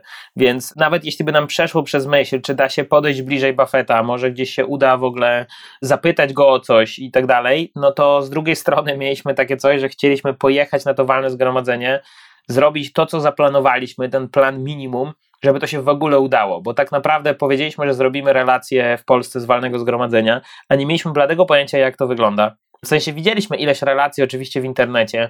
Z europejskich relacji jest bardzo mało, więc tak naprawdę znaleźliśmy parę osób z Niemiec, które gdzieś jechały. No, no nie ma tych treści. W Polsce jesteśmy na pewno pierwsi, bo nie wierzę, że jesteśmy pierwszymi Polakami, którzy byli w Omaha, ale wierzę, że jesteśmy pierwsi, którzy zrobili jakąś publiczną relację, bo po prostu nie ma śladów w polskim internecie, że też tak powiem, w ogóle o walnym zgromadzeniu Berkshire Hathaway. Chcieliśmy zrobić wszystko tak, jak zaplanowaliśmy, dostać się, zobaczyć wszystkie możliwe miejsca, jakie tam się da zobaczyć, zobaczyć wszystkie imprezy towarzyszące. I jak się uda coś ponad program, to i tak będzie super. Jak się uda zobaczyć gdzieś Buffetta, to będzie fantastycznie, bo w poszczególnych latach dało się. I dzisiaj mamy tę świadomość, że pewnie ze względu na jego popularność i stan zdrowia, jest trudniej. Gdybyśmy wpadli na ten pomysł jeszcze 5 lat temu, to byłaby szansa, że taki niedzielny bieg dla Buffetta, takie 5 kilometrów rekreacyjne z jego spółką Brooks, kończyło się tym, że Warren Buffett dawał medale uczestnikom. Dzisiaj dla mnie nie do pomyślenia, że kilka lat temu mógłbym odebrać y, pamiątkowy medal dosłownie od Warrena Buffetta, mhm. ale takie rzeczy się zdarzały. Można było też zobaczyć to, co dzisiaj w internecie z takim słynnym obrazkiem, często przerabianym wręcz na memy, jak oni grają w ping-ponga z Billem Gatesem. W tym roku, w którym my byliśmy w 2018, był tylko Bill Gates w obrębie budynku, a grały jakieś dziewczyny przygotowujące się do olimpiady ale już Buffetta nie było w ogóle, więc i nie ma już tylu okazji, żeby zobaczyć Buffetta. Trochę ze względu na zdrowie, bezpieczeństwo, trochę ze względu na to, jak popularny już dzisiaj jest. Dużo zmienił dokument HBO, który przy okazji polecam słuchaczom, żeby sobie na HBO e, wklikali być jak Warren Buffett. Świetny dokument całą tę trasę z tego dokumentu, można powiedzieć, przejechaliśmy i byliśmy we wszystkich miejscach w Omaha, które tam są, żeby sprawdzić, czy naprawdę tak jest. Także potwierdzam HBO jak zawsze, jakościowo kawał dobrej roboty, bo to dokładnie tak wszystko wygląda, jak tam jest. Ale nie, no myśli samobójczej takiej, takiej, żeby zapytać o coś Buffetta, no absolutnie nie udałoby się zrobić i nie wyobrażam sobie, jak to zrobić, chyba, że ustawić się na dzień wcześniej w kolejce, żeby spróbować mu zadać pytanie w ramach mhm. tego walnego zgromadzenia. Ale to może na kiedy indziej, bo za pierwszym razem nie wiedzieliśmy w ogóle jeszcze, jak to wygląda i pewnie byśmy nie ryzykowali. A myślę, że jeszcze kiedyś do Omaha pojedziemy i, i spróbujemy pokazać jeszcze z innej strony, jak wygląda to walne zgromadzenie. Już po latach doświadczeń. Dla tych wszystkich, którzy być może, no, o, chociaż myślę, że każdy słyszał o Warrenie Buffettie, ale dla tych, którzy są zupełnie początkujący, jakbyś tak mógł przybliżyć właśnie postać Warrena Buffetta, dlaczego jest on uważany za, no chyba nie będę tutaj przesadzał, największą, przynajmniej żyjącą legendę rynków kapitałowych. Skąd się to wzięło? Znaczy, przede wszystkim dzisiaj jestem takim mitem wręcz kapitalizmu amerykańskiego, bo cała jego historia budowania majątku od zera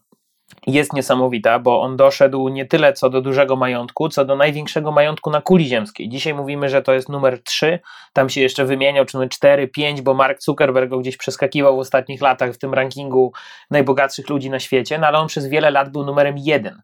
Więc chłopak z Omaha, który wpadł na pomysł, że będzie inwestował pieniądze w bardzo młodym wieku, w pewnym momencie staje się najbogatszym człowiekiem na kuli ziemskiej, więc tak jakby ta legenda już wystarczy tak naprawdę, żeby uznać Warrena Buffetta za najwybitniejszego inwestora bez wnikania jak on to zrobił, mm, ale jak dzisiaj popatrzymy tak naprawdę na listę Forbesa, na tych najbogatszych, to na pewno pierwsza dziesiątka to są wszyscy wynalazcy czegoś, jakiegoś sklepu, brandu, jakiegoś y, konkretnego, konkretnej namacalnej rzeczy, która zmieniła świat. Natomiast Warren Buffett to jest jeden jedyny na tej liście, który po prostu pomnaża pieniądze i to bardzo często cudze. Więc to jest ten fenomen, że on tylko i wyłącznie żyje z inwestowania i robi to już przez 70 lat, bo ma lat 89, natomiast inwestuje lat 70, więc to są dla nas absolutnie abstrakcyjne liczby. Przy okazji z każdym rokiem budując nie tylko swoje portfolio inwestycyjne, ale też swoją markę, bo nie na darmo jest dzisiaj najpopularniejszym inwestorem i wszyscy wiemy, kim jest Buffett. Tu też trochę opisywaliśmy w książce, że to są naprawdę dziesięciolecia budowania tego wizerunku, nienagannej reputacji, do tego jeszcze przez relacje inwestorskie, przez te walne zgromadzenia, przez to, jak on się staje medialną osobą, czy nawet popkulturową, bo pewnie wiele osób by nie uwierzyło, jakbym powiedział, że dał koncert z Johnem Bon charytatywny, grając na ukulele, ale no, bawi się swoim wizerunkiem i między innymi dlatego jest po prostu niesamowicie znany, a wszystkie jego wypowiedzi są zabójczo prostymi, pięknymi sentencjami życiowymi, które w zasadzie można bez inwestowania wziąć jako jakąś mantrę życiową, więc jest to bardzo mądry facet, który dzieli się chętnie swoją wiedzą tam, gdzie tylko może. Cóż więcej można powiedzieć? No i akcja jedna jego spółki kosztuje, jeśli mnie pamięć nie myli, 330 tysięcy dolarów, więc to też budzi respekt, y, w, w, jak słyszy to jakikolwiek początkujący inwestor. Mhm. No ja myślę, że ten track record liczony w siedmiu dekadach, tak? To jest tak, coś tak. co niesamowitego, bo nie mówimy tutaj o jakichś teoretycznych modelach, y, obliczeniach, tylko o realnych inwestycjach. To jest coś absolutnie no, niesamowitego. Bardzo często mówiąc o Warrenie Buffetcie, zwraca się uwagę też na jego e, styl życia, czy podejście do, do życia, do pieniędzy, bo tak jak powiedziałeś, jest to człowiek, który no, jest w czołówce najbogatszych y, osób na świecie, czy może nawet był pierwszy pierwszy najbogatszym człowiekiem świata, a mimo wszystko jego podejście do takiego konsumpcjonizmu jest y, negatywne. Znaczy, zdaje się mm, to wyglądać w ten sposób, że on jest wręcz przeciwnikiem takiego życia na pokaz, konsumpcyjnego stylu życia i pomimo swojej ogromnej fortuny, jaką ma, jaką posiada, to żyje całkiem, można powiedzieć, jak na ten poziom budżetu w portfelu, jak przeciętny człowiek. Ja uwielbiam takie zdjęcie, które stało się memem i gdzieś mam je nawet tutaj wydrukowane w okolicach biurka i Warren Buffett i Bill Gates, dwóch takich panów zdjęcie tam chyba z lat 90., dwóch najbogatszych ludzi na kuli ziemskiej, znajdź logo jakiejś drogiej marki, gdzie oni są we flanelowych koszulach, w swetrach i, i, i w ogóle nigdy absolutnie nie chodziło o to życie na pokaz, czy tak jak ostatnio gdzieś było, że stał Bill Gates w kolejce po kanapkę, też zdjęcie, które obiegło internet, że można żyć w miarę normalnie pod względem tej konsumpcji. Faktycznie Warren Buffett y, zawsze był oszczędny. I to każde właściwie źródło, które przejrzeliśmy pisząc książkę, wskazywało na to, że ta oszczędność była czasem wręcz nadmierna. Można, można powiedzieć wprost, że on momentami był już naprawdę skąpy, mając bardzo pokaźne y, portfolio giełdowe i po prostu odłożony kapitał. I wydaje mi się, że nie ma takiego wydźwięku aż tak u nas w książce, ale, ale on miał taką obsesję na punkcie tego, jak bardzo on chce odkładać pieniądze i chce mieć ich naprawdę dużo. Wydaje mi się, że my to tak bardzo pozytywnie pokazaliśmy, ale znalazłyby się źródła, które wręcz wskazywały, że to było niezdrowe i obsesyjne podążanie za jak największą sumą pieniędzy, że to jest dla niego taka gra w jego głowie, w którą on po prostu jest najlepszy, żeby mieć jak najwięcej pieniędzy. Więc trochę też oszczędność z tego może wynikała, ale on naprawdę cały czas twierdzi w zasadzie w każdym materiale, że on niewiele do szczęścia potrzebuje. To jest ten sam dom, w którym on dzisiaj mieszka, to jest ten sam, który kupił w latach 50., y, jeszcze z jego zmarłą żoną, y, kiedy jego dzieci były malutkie nawet byliśmy pod tym domem faktycznie, tak jakby dla nas może z naszej perspektywy to jest piękny, duży dom, z perspektywy jednego z najbogatszych ludzi na kuli ziemskiej, no to jest domeczek, który kiedyś tam z sentymentu można by było zostawić, ale nie jedną dzisiaj przecież wielką rezydencję widzimy gwiazd, które wcale nie mają tak dużo pieniędzy jak Buffett, ale mimo wszystko trzy baseny warto mieć w mieszkaniu, e, więc e, Warren Buffett trochę imponuje tą swoją skromnością, ale też pokazuje coś, o czym bardzo często zapominamy. Ja kiedyś taki wykład robiłem co Warren Buffett pokazałby światu, gdyby miał konto na Instagramie. Taka trochę zabawa intelektualna, z, biorąc pod uwagę jego podejście do życia. I to by pokazało, jak konsekwentnie i często nudnie dochodzi się do ogromnych pieniędzy. Jest taka świetna książka Sekrety amerykańskich milionerów, która w Polsce budzi o tyle kontrowersję, że czytelnicy czytają ją, czekają na jakieś tytułowe sekrety, a tam sekretem jest długoterminowa, ciężka praca, procent składany i oszczędne życie jest trochę, z jednej strony jest taki wow efekt, z drugiej strony jest taki wielki zawód, że tam nie ma magicznej receptury, a po prostu Warren Buffett zrobił to wyśmienicie i pokazuje, że w ten sposób można. Jak popatrzymy na swoje finanse osobiste, to czasami naprawdę, gdyby podkręcić te stopy oszczędności no, z perspektywy inwestycyjnej, ileż pieniędzy znalazłoby się na kontach maklerskich, gdybyśmy żyli troszeczkę oszczędniej i nie dali się złapać w ten konsumpcjonizm. Mhm. E, wspominałeś też, że Buffett nie pochodzi z bogatej rodziny, czy rodziny, która miała jakieś tradycje, przynajmniej wielkie tradycje inwestycyjne, chociaż jeśli dobrze pamiętam, jego, jego tata inwestował nieco na, tak. na giełdzie. Natomiast y, generalnie no, skąd taki człowiek, który dochodzi do największych pieniędzy, jeżeli chodzi o, o, o inwestowanie na giełdzie, czerpał swoją wiedzę, kto był jego mentorem, jak on się uczył, od kogo się uczył, od kogo być może nadal się uczy. Jakbyś tutaj mógł w kilku zdaniach opowiedzieć, jak właśnie to wygląda w przypadku Warrena Buffetta. My doszliśmy do takich wniosków, pisząc książkę, że to jest uczeń, który przerósł wszystkich swoich mistrzów bo zaczynał tak naprawdę ucząc się od chociażby pracowników u swojego taty. Tam ta historia już nie będę jej całej opowiadał, bo ona by była trochę za długa, że on tam był przez moment kongresmenem, jego ojciec, ale zdarzyło się też, że został wyrzucony z banku, jego bank upadł, było prawie bankructwo w rodzinie, później zajął się sprzedażą akcji, obligacji, miał malutkie biuro maklerskie i ten młody Buffett uczył się u pracowników ojca, czytał pierwsze rzeczy związane z giełdą, więc tak jakby ten etos y, młodego inwestora pięknie tutaj pasuje, taka amerykańska lekcja kapitalizmu kapitalizmu, to, to akurat jest mistrzostwo świata, że tam ojciec zabiera syna, żeby pokazać mu Wall Street, mm, więc no, to tutaj pięknie pasuje, ale przede wszystkim chodzi o później tych nauczycieli, którzy faktycznie pokazywali mu, jak kupować te spółki, jak wybierać te najlepsze inwestycje. Wydaje mi się, że największą rolę mimo wszystko odegrał Benjamin Graham, bo to on trochę stworzył Buffetta w młodych latach, czyli twórca, y, autor książki Inteligentny Inwestor, wybitny inwestor tamtych czasów, od którego Warren Buffett y, uczył się przez wiele, wiele lat, u którego Warren Buffett w końcu finalnie pracował i Benjamin Graham chciał przekazać mu firmę, kiedy szedł na emeryturę, bo to jest ciekawe, że Benjamin Graham nie chciał, tak jak Buffett, inwestować do końca życia, tylko po prostu spokojnie chciał pójść na emeryturę, zająć się życiem akademickim, czytaniem książek i odpoczywaniem. Natomiast Warren Buffett wtedy właśnie zrezygnował, że on nie chce tej czyjejś firmy rozwijać, e, w szczególności, że drugim partnerem miał być e, syn partnera biznesowego Benjamina Grahama, więc on chce już postawić całkiem na swoje. No niemniej jednak Benjamin Graham zdecydowanie największy nauczyciel Warrena Buffetta. To jest o tyle fajne, że dzisiaj możemy kupić książkę Grahama e, po polsku i też się uczyć z tej samej książki, z której uczył się Warren Buffett.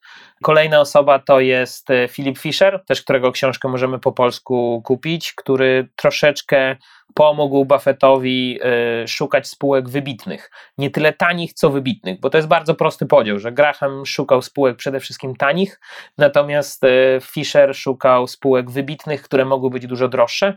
No i trzeci nauczyciel i partner biznesowy Warrena do dzisiaj, fantastyczna osoba Charlie'ego Mangera, który jest bliżej zdecydowanie Fischera i szukania tych jakościowo dobrych spółek i który wiele razy namówił Buffetta do tych dobrych inwestycji, które dzisiaj pokazuje się w podręcznikach jako takie złote strzały, też skupiające się bardziej na jakości, ponadczasowości tego biznesu. I to jest takich trzech mentorów. No i wcześniej oczywiście ojciec bardzo ważne miejsce miał w, w, w tej linii nauki Buffetta i był dla niego bardzo ważną osobą, ale tych trzech inwestorów zdecydowanie mentorzy, no, których docelowo Warren Buffett wszystkich przeskoczył, biorąc pod uwagę, tak jak wspomniałeś, jego kosmiczny track record z siedmiu dekad. Mhm. Czyli tak, z jednej strony można powiedzieć, że no zdecydowanie oczywiście e, ta filozofia inwestowania ewoluowała w czasie również u Buffetta, bo od różnych nauczycieli róż, różnych rzeczy się uczył. Z drugiej strony jest bardzo, powiedziałbym, konserwatywny albo inaczej z dużą dyscypliną podąża za swoją strategią, co też zresztą e, sobie tutaj nawet wynotowałem, dał dowód e, w, właśnie przy bańce dotkomowej na przełomie 2000-2001 roku, kiedy właśnie powiedział, gdy mu zarzucano, że nie zainwestował w te spółki technologiczne, że łatwiej znaleźć przegranych rewolucji technologicznej niż zwycięzców. I to też pokazuje, że Warren Buffett wielokrotnie w historii był krytykowany za to swoje podejście, za to, że przegapił czy przespał pewne okazje inwestycyjne. Mówi się o nim też jako wyrocznia z Omaha, czyli wyrocznia tutaj to może dawać do myślenia, że chodzi o jakieś przewidywanie rynku. Ale czy Twoim zdaniem, jeżeli chodzi o tego Buffetta, o wyrocznie z Omaha, faktycznie on jest świetny, dlatego że lepiej niż inni przewiduje przyszłość, czy to zupełnie nie ma nic z tym wspólnego? On po prostu podąża za swoją strategią z większą może dyscypliną niż inni. Zdecydowanie on jest zabójczo konsekwentny. To a propos tego przydomku wyrocznia Zamacha, on się najbardziej chyba ukształtował po tym, jak on dał takie przemówienie na spotkaniu spółek technologicznych i pod koniec już w zasadzie hossy dotcomowej i wyjaśnił, że każda hossa wyglądała podobnie. W sensie rewolucja technologiczna, kiedy pociągi wyeliminowały jedną rzecz, zbudowało się jakaś struktura konkretna, ileś spółek wskoczyło na rynek, zaraz później większość z tych spółek zniknęła, zaraz później lataliśmy samolotami, powstało radio i tak dalej, i tak dalej. Pokazywał, że tak jakby zawsze ten model działa tak samo. To, że dzisiaj powstały spółki internetowe, no ale tak jak właśnie powiedziałeś, że tak jakby nie, nie był w stanie wtedy stwierdzić, że to te spółki będą zwycięzcami tej rewolucji technologicznej i bardzo często to podkreślał. Wiele osób oczywiście bardzo ogólnikowo widzi, że on przegapił jakąś konkretną hossę, nie doczytując właśnie tego, co tutaj powiedziałeś, że on szuka tych najlepszych przedstawicieli na wiele, wiele lat danej branży. Mm, ale ta jego żelazna konsekwencja dała mu w końcu ten przydomek wyrocznia Zamacha, bo ta jego prognoza, on w ogóle nie daje prognoz, więc tak jakby to było bardzo istotne, że on się wtedy pokusił o bardzo konkretne liczby. Podobno też jego ego mocno na tym ucierpiało, że nagle cały świat znowu zaczął odwracać się od Warrena, bo przecież już kończy się Warren Buffett, ma już przecież 70 lat.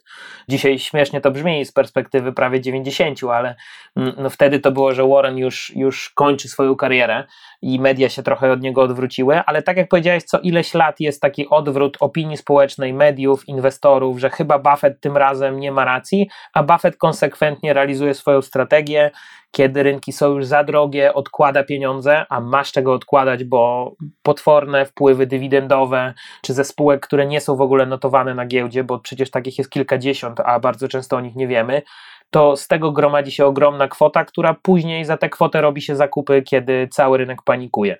Więc w długim terminie zabójcza konsekwencja Warrena Buffetta buduje ten track record. No i dzisiaj warto się po prostu słuchać wyroczni Zamacha, tylko ten timing jest zawsze trudny bo to, że on mówi, że jest za drogo, no on mówi od ostatnich kilku lat i on ma pełny, pełną świadomość tego problemu, że on nie może złamać swojej żelaznej zasady, żeby kupować aż tak drogo, jak jest teraz na rynku, no ale wie, że to jeszcze może trwać. I już trwa ileś tam czasu i przy jego ograniczeniach, chociaż wydaje nam się, że tak duży kapitał nie ma ograniczeń, ale właśnie ten duży kapitał jest ograniczeniem, kończy się tak, że dokupuje tak naprawdę akcje spółki Apple, bo to w tym momencie pasuje do jego portfolio inwestycyjnego.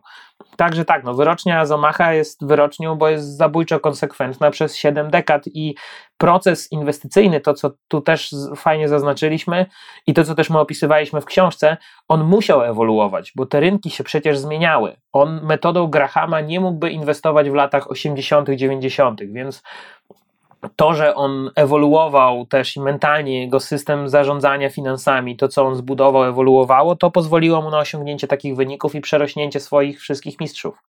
Mhm. A na ile myślisz, jego podejście takie kontrariańskie do rynków ma też e, wpływ na jego sukces? Bo Buffett wielokrotnie zasłynął tym, że był w stanie wchodzić, że tak powiem, do akcji wtedy, kiedy większość graczy rynkowych się z tego rynku e, gdzieś tam ewakuowała. I przykładem chociażby takiej akcji, no ich było wiele, ale w 2008 roku, kiedy naprawdę rynek mocno się walił i właściwie było pytanie, czy cały system ekonomiczny świata się nie zawali, on tymczasem na przykład zainwestował w spółkę o nazwie Goldman Sachs, wielki bank inwestycyjny, w którym ma dzisiaj kilka procent udziałów, nie pamiętam już chyba 5% udziałów. Czyli tak naprawdę był w stanie przezwyciężyć te swoje, jak myślę, chyba większość ludzi, psychologiczne opory, żeby zainwestować w coś w sytuacji, kiedy no, jest ogromna niepewność na rynku. Na ile myślisz, właśnie taka specyfika działania Buffetta miała też wpływ na jego sukces? Znaczy, y, ze wszystkim się zgadzam, tyle że ta sytuacja, o której powiedziałeś w 2008 roku, ona jest jeszcze bardziej skomplikowana, wydaje mi się, niż my do niej dotarliśmy, bo wielu rzeczy po prostu my się nie dowiemy z tamtego czasu. Mhm. Pamiętajmy, że Buffett ratował już raz system, cały system finansowy, e, ratując Salomon Brothers i tak naprawdę stając się prezesem spółki, wyciągając ją z największych kłopotów i być może ratując całe Wall Street wtedy. I tutaj próbowano troszeczkę powtórzyć tę historię. Tyle, że tylko, że no, sam Warren się przyznaje, że z niektórymi bankami nie zdążyli. E, niektórzy twierdzili, że sam Lehman Brothers i jeszcze innych kilka instytucji pytało o pomoc Buffetta, no ale tu więcej mamy plotek niestety niż faktów, bo sam Buffett tego nie potwierdza. Koniec końców on uratował część sektora finansowego, mówiąc, że kupuj amerykańskie, ja kupuję, będzie dobrze, wyciągając nie tyle rękę, co kapitał, bo Warren Buffett jest znany z tego, że ma gotówkę wtedy, kiedy wszyscy inni nie mają z reguły. Mm, I 2008 rok był idealnym rokiem, żeby pokazać, że cash is the king, bo Wtedy wszystko było lewarowane, wtedy ryzyko włączyło się tak duże, że na rynku międzybankowym pieniądza nie było. No a Warren ze swoimi miliardami był i wtedy stawiał naprawdę twarde warunki. To jest ten Warren, myślę, którego nie znamy, który nie jest już takim uśmiechniętym starszym panem, który mówi o tym, że trzeba żyć skromnie, tylko to jest ten Warren, który dyktuje warunki największym bankom w Ameryce. I, I to był ten obraz, w którym dzisiaj patrzymy na człowieka, który uratował trochę sektor finansowy w tamtym czasie, ale zobaczmy, że on zarobił naprawdę potworne pieniądze na akcjach uprzywilejowanych w tamtym czasie. Mhm. Więc on y, w dużej mierze wykorzystał tą swoją przewagę, tą swoją reputację, ten swój kapitał. No tutaj naprawdę jak rasowy biznesmen zadziałał fantastycznie, no a wizerunkowo i tak wygląda to świetnie jako człowiek, który ratuje swoją amerykańską gospodarkę, więc tutaj można powiedzieć, że, że Buffett pokazał y, swoje doświadczenie w długim terminie. I faktycznie, tak jak powiedziałeś, wykorzystał przy okazji to swoje trochę kontrariańskie podejście, że czekał, czekał, czekał, aż do momentu, w którym y, nikt już faktycznie nie wierzył w ten system, on wskoczył i zainwestował, przy okazji y, wywołując ten efekt zaufania u innych. No bo trzeba też powiedzieć, że to już nie jest anonimowy inwestor, bo być może wiele osób y, bardziej doświadczonych, z dużym kapitałem, też w tamtym czasie gdzieś kupowało akcje sektora finansowego, ale w momencie, kiedy puszczamy informację, że Warren Buffett to kupował, no o, tak naprawdę jego nazwisko zmienia całkowicie postrzeganie całej sytuacji. Jego reputacja, nie nadszarpnięta przez tyle lat, jest w tym momencie też już takim solidnym aktywem Berkshire Hathaway i pewnie to jest największa obawa inwestorów, czy, czy w ogóle jego dorobek będzie, czy to wszystko przetrwa bez niego. Mhm. E, a właśnie jeżeli chodzi jeszcze o tą filozofię inwestycyjną e, Warrena Buffetta, często się mówi e, tak, że Warren Buffett nie stosował dźwigni finansowej, natomiast w gruncie rzeczy to jest stwierdzenie nieprawdziwe, bo ostatnio czytałem nawet takie dość poważne opracowanie, profesjonalne opracowanie inwestycji Buffetta w perspektywie tam 40 lat. I tam wyszło z tego badania, że ta dźwignia w przypadku Buffetta wynosiła 1,7 do 1 i to też wynikało, że zmienność samych spółek, które były w holdingu Berkshire Hathaway, miały dużo mniejszą zmienność niż e, samo Berkshire Hathaway, właśnie co wynikało z użycia tej e, dźwigni. Jeśli mógłbyś tutaj powiedzieć nieco nam o tej dźwigni finansowej, w jaki sposób on jej używa, czy używa, czy w jakich sytuacjach jej używa? E, ja bym powiedział przede wszystkim o dwóch dźwigniach finansowych, których on używał historycznie i jednej na pewno używa teraz. Pewnie jest ich więcej, ale musielibyśmy tu wejść już naprawdę duże szczegóły. Ja bym musiał sięgnąć do jakichś dokumentów, notatek jeszcze z pisania książki, żeby dokładnie ich poszukać. Ale my, jak słyszymy słowo dźwignia finansowa, to mamy z tyłu głowy taką dźwignię, która chociażby jest zaszyta w rachunki maklerskie czy brokerskie i od razu nam się uruchamia to, że kupujemy kawałek indeksu poprzez jakiś CFD i on ma dźwignię jeden do iluś tam. W przypadku Warrena Buffetta pierwszą dźwignią było inwestowanie cudzych pieniędzy bo to tak naprawdę jest dźwignią, to, że nie inwestujemy swoich pieniędzy, tylko cudzych, a premię od tego zysku i tak sobie wypłacamy, bo cały Buffett Partnership, y, kilkanaście lat inwestowania pieniędzy we wczesnym czasie kariery Warrena Buffetta właśnie polegało na tym, że on po prostu inwestował cudze pieniądze z bardzo dobrymi wynikami i na tym po prostu budował swoją pozycję, więc to była tamta dźwignia. Natomiast druga dźwignia, którą on odkrył, inwestując chociażby w spółkę Geico, to jest wielka spółka ubezpieczeniowa ze Stanów Zjednoczonych, to jest wykorzystanie po prostu modeli finansowych spółek ubezpieczeniowych, czyli to, że one biorą pieniądze z góry za ubezpieczenie w dłuższym czasie i ta ogrom kapitału, który funkcjonuje tak jakby zamrożony poniekąd do momentu, kiedy musi ubezpieczyciel wypłacić odszkodowanie, no już poprzez większą trochę inżynierię finansową może być po prostu wykorzystywany do przeróżnych transakcji, no bo tak by czasem nie o to chodzi, żeby Warren Buffett wyciągał dosłownie gotówkę i te wszystkie transakcje były gotówkowo, tylko można wykorzystać różne instrumenty finansowe tylko i wyłącznie po to, żeby nie sprzedawać czegoś konkretnego z portfolio, czy żeby po prostu przerzucać się tymi instrumentami, gdzie faktycznie w ten sposób pojawia się jakiś lewar. Ja absolutnie wierzę w to opracowanie, że to może być tego typu dźwignia, bo pamiętajmy, że mówimy o pewnych wyliczeniach gotówkowych, bo my wszyscy jako, jako powiedzmy inwestorzy z niegigantycznymi portfelami patrzymy na dźwignię 1 do 2 jako relatywnie bardzo małą dźwignię. No bo przecież jak widzimy, że kiedyś rachunki farexowe były 1 do 100, dzisiaj możemy też spokojnie 1 do 25 mieć produkty finansowe, czy nawet na polskiej giełdzie 1 do kilkunastu, tylko pomyślmy sobie w tym momencie na takich wyliczeniach gotówkowych jeśli mówimy o ogromie pieniędzy, jakie ma Warren Buffett, jak tam sobie dorzucimy dźwignię na poziomie 1,7, to i tak robią nam się z tego naprawdę przepotężne kwoty i zupełnie inne zarządzanie kapitałem, więc spokojnie wierzę, że to taki wskaźnik mógł być, a Warren intensywnie efektywnie ją wykorzystując, mógł po prostu jeszcze zwiększać swoje zyski. Więc Warren jak najbardziej korzysta z dźwigni, ale w zupełnie innym tego słowa znaczeniu niż jak pewnie my czy tutaj słuchacze teraz sobie myślą. Mhm. Za chwilę jeszcze też wejdziemy sobie nieco głębiej w ogóle w samą spółkę Berkshire Hathaway, bo to też bardzo ciekawy temat. Natomiast jeszcze tak zamykając nieco wątek Warrena Buffetta, bo powiedzieliśmy, że to jest osoba, która jest bardzo, mm, no powiedzmy, skromnie dojrzejąca, przynajmniej jak na, na swój kapitał, jaki ma w portfelu i wręcz niektórzy może go określiliby mianem skąpca. Natomiast y, mm, Warren Buffett bardzo poważnie zaangażował się w działalność filantropijną i jak tu postrzegasz ten temat, ponieważ z tego, co wiem, on większość swojego majątku tak naprawdę właśnie przeznaczył e, po swojej śmierci właśnie na, na cele dobroczynne.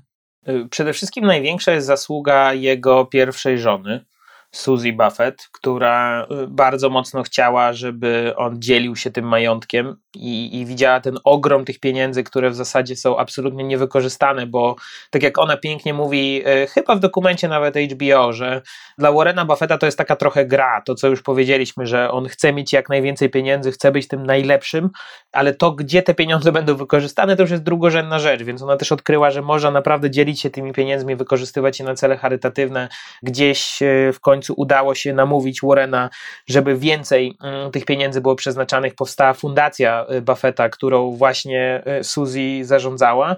W momencie, gdy żona zmarła, on podjął tę decyzję.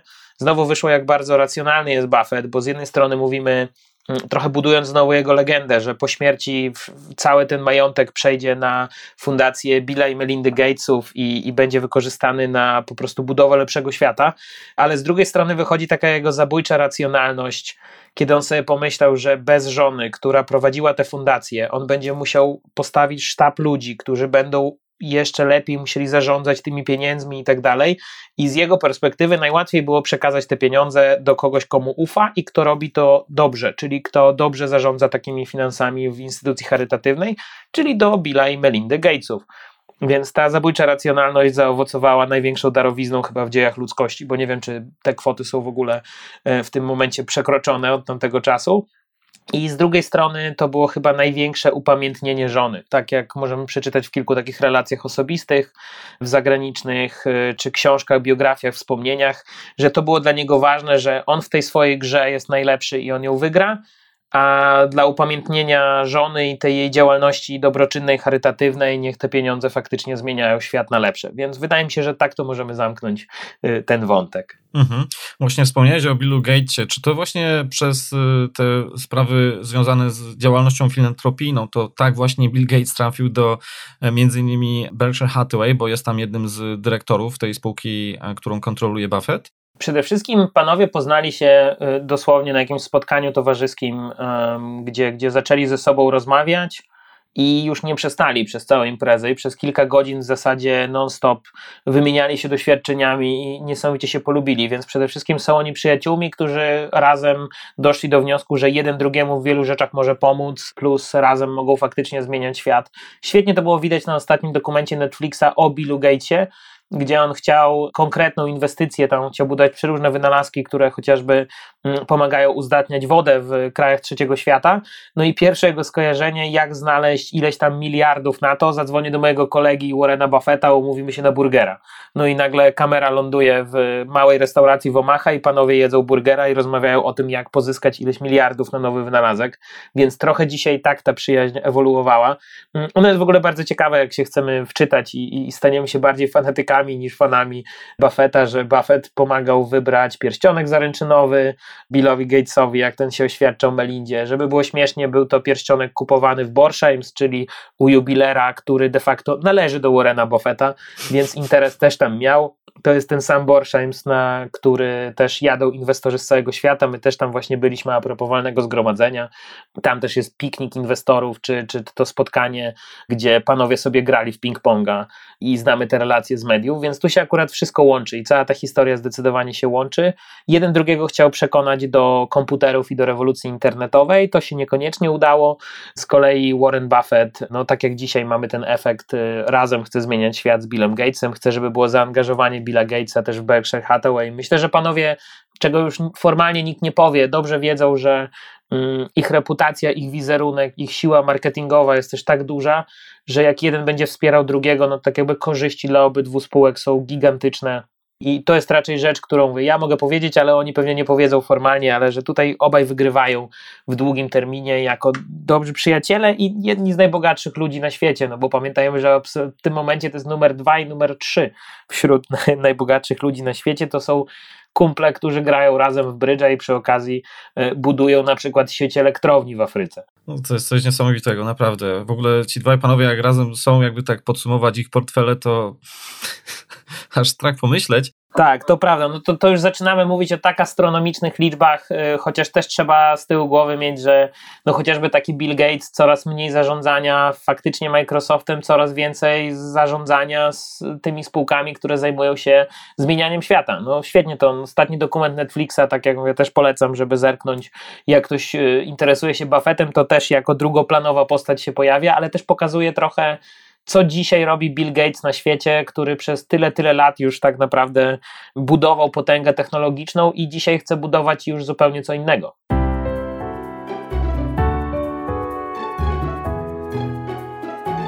Porozmawiajmy chwilę właśnie o Berkshire Hathaway, ponieważ to jest y, spółka, która tak naprawdę przez większość y, życia inwestycyjnego Buffetta tutaj miała no, najwięcej, że tak powiem, znaczenia w jego wynikach na końcu tu, gdzie jest obecnie.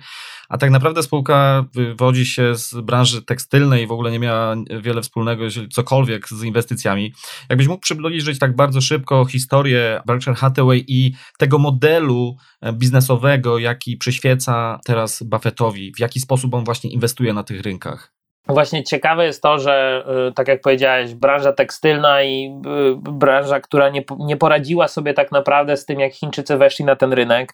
Spółka, którą kupił Warren Buffett zgodnie ze strategią kupowania tanich, ledwie żywych, wręcz na skraju upadłości spółek, bo to był jeszcze Buffett taki mocno grahamowski, który chciał jak najtaniej kupić spółkę, który koniec końców y, przez to, że poczuł się oszukany przez jej właściciela, zamiast sprzedać akcje tej spółki, kupił ją całą po to, żeby wyrzucić prezesa i został z całą inwestycją Berkshire Hathaway, o której dzisiaj mówi, że była y, błędem inwestycyjnym. Tak jakby patrząc na jego racjonalne podejście do rynków, tutaj poniosły go emocje, to raz. Dwa, że został ze spółką, która była dosyć nierentowna i tam trzeba było naprawdę masę pracy włożyć, co się ostatecznie nie udało, bo dzisiaj mówimy o Berkshire jako o takim wehikule inwestycyjnym. Ja też chyba patrzę na to trochę jako wehikuł inwestycyjny, bo ciężko jest powiedzieć y, o nim po prostu fundusz, w szczególności spółka, która koniec końców przez kilkadziesiąt lat próbowała tę branżę tekstylną podnieść, w końcu się poddała. Tam tylko dodam, że Warren Buffett miał największy problem, że jak zapadnie ta decyzja, to będzie musiał po prostu zwolnić pracowników, a w danej części regionu Nebraska po prostu to był bardzo istotny pracodawca, więc tu dlatego te emocje też były tak istotne. Natomiast koniec końców Berkshire Hathaway to jest wehikuł inwestycyjny, który z jednej strony my znamy jako coś notowanego na amerykańskiej giełdzie za astronomiczną wyceną za akcję klasy A ponad 300 tysięcy dolarów. Spółka, która nigdy nie wypłaciła dywidendy, między innymi dlatego jest y, tak gigantyczna jej wycena. Warren Buffett sam twierdzi i jego znajomi też w wielu relacjach twierdzą, że to jest takie idealne zobrazowanie jego sukcesu, tego, tego track rekordu, że patrzymy na ten wykres Berkshire Hathaway i to jest dorobek Warrena Buffetta. Akcje od kilku dolarów do 330 tysięcy dolarów za jedną akcję, więc w Polsce jak się ma jedną, to już się jest milionerem. To abstrakcyjne, ale, ale tak to mniej więcej wygląda. No i spółka, która właśnie z jednej strony kupuje akcje innych spółek, tych notowanych na giełdzie, i tak większość inwestorów myśli, z drugiej strony kupuje też spółki w całości, i to jest bardzo, bardzo istotne, bo ona ma ponad 60 spółek y, kupionych w całości, które też przeznaczają dywidendy, są w tej rodzinie Berkshire Hathaway i wspierają kapitałowo y, cały ten ekosystem Berkshire. Łącznie spółki, które należą do Berkshire, zatrudniają ponad 300 tysięcy pracowników na całym świecie. Więc, żeby żeby tak zrozumieć ten efekt, że to nie tylko już jest zabawa instrumentami finansowymi, ale to jest kawał realnej amerykańskiej gospodarki, począwszy od chociażby kilku lokalnych biznesów w Omaha, takich jak sklep z meblami, wspomniany jubiler, kończąc na takich codziennego użytku jak baterie Duracell czy y, koszulki Fruit of the Loom, no i oczywiście z takimi gigantami w tle jak Coca-Cola, Goldman Sachs czy Apple, tyle tylko, że już mówimy o akcjach spółek notowanych na giełdzie. Mhm. Najbardziej ciekawe w tym wszystkim jest, jak czytałem, że w Berkshire pracuje dosłownie chyba kilkadziesiąt osób, coś około 30 osób. To jest coś niesamowitego, jeśli tak, pomyślimy, na tym że... szczeblu menedżerskim, tak, wszyscy myślą, że podjeżdżają w Omaha pod budynek Buffetta, a on tam wynajmuje jedno piętro, więc to jest taki wieżowiec, biurowiec i gdzieś tam na którymś piętrze jest Buffett z kilkoma osobami i oni na tym szczeblu zarządzającym najwyżej wytypując, tak naprawdę typującym kolejne inwestycje, szukającym kolejnych spółek do przejęć. To jest ten szczebel, który ma zaledwie kilkanaście, kilkadziesiąt osób w porywach. Mhm.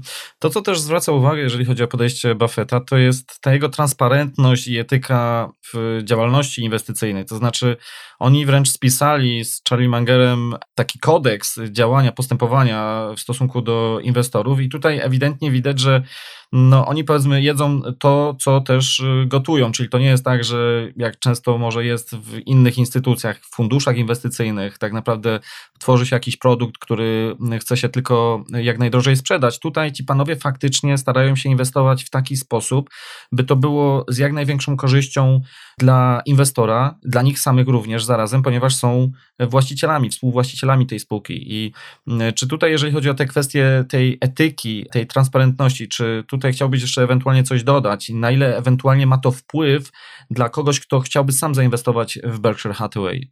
No, na pewno to jest fajne, co oni mówią bezpośrednio do inwestora, czyli nie zachęcają do kupowania tych akcji tu i teraz, kiedy są akcje bardzo wysoko, tylko mówią wprost, że jeśli kupisz akcje na historycznym szczycie, to licz się z tym, że my zostajemy do końca życia z tymi akcjami, nie chcemy ich sprzedawać, ale y, ty możesz mocno zaciskać zęby, kiedy będzie jakaś bessa albo korekta na rynku, więc najbezpieczniej jest kupować akcje wtedy, kiedy my wtedy, kiedy ogłaszamy skup akcji własnych, gdy twierdzimy, że akcje są wystarczająco tanie według naszych wyliczeń.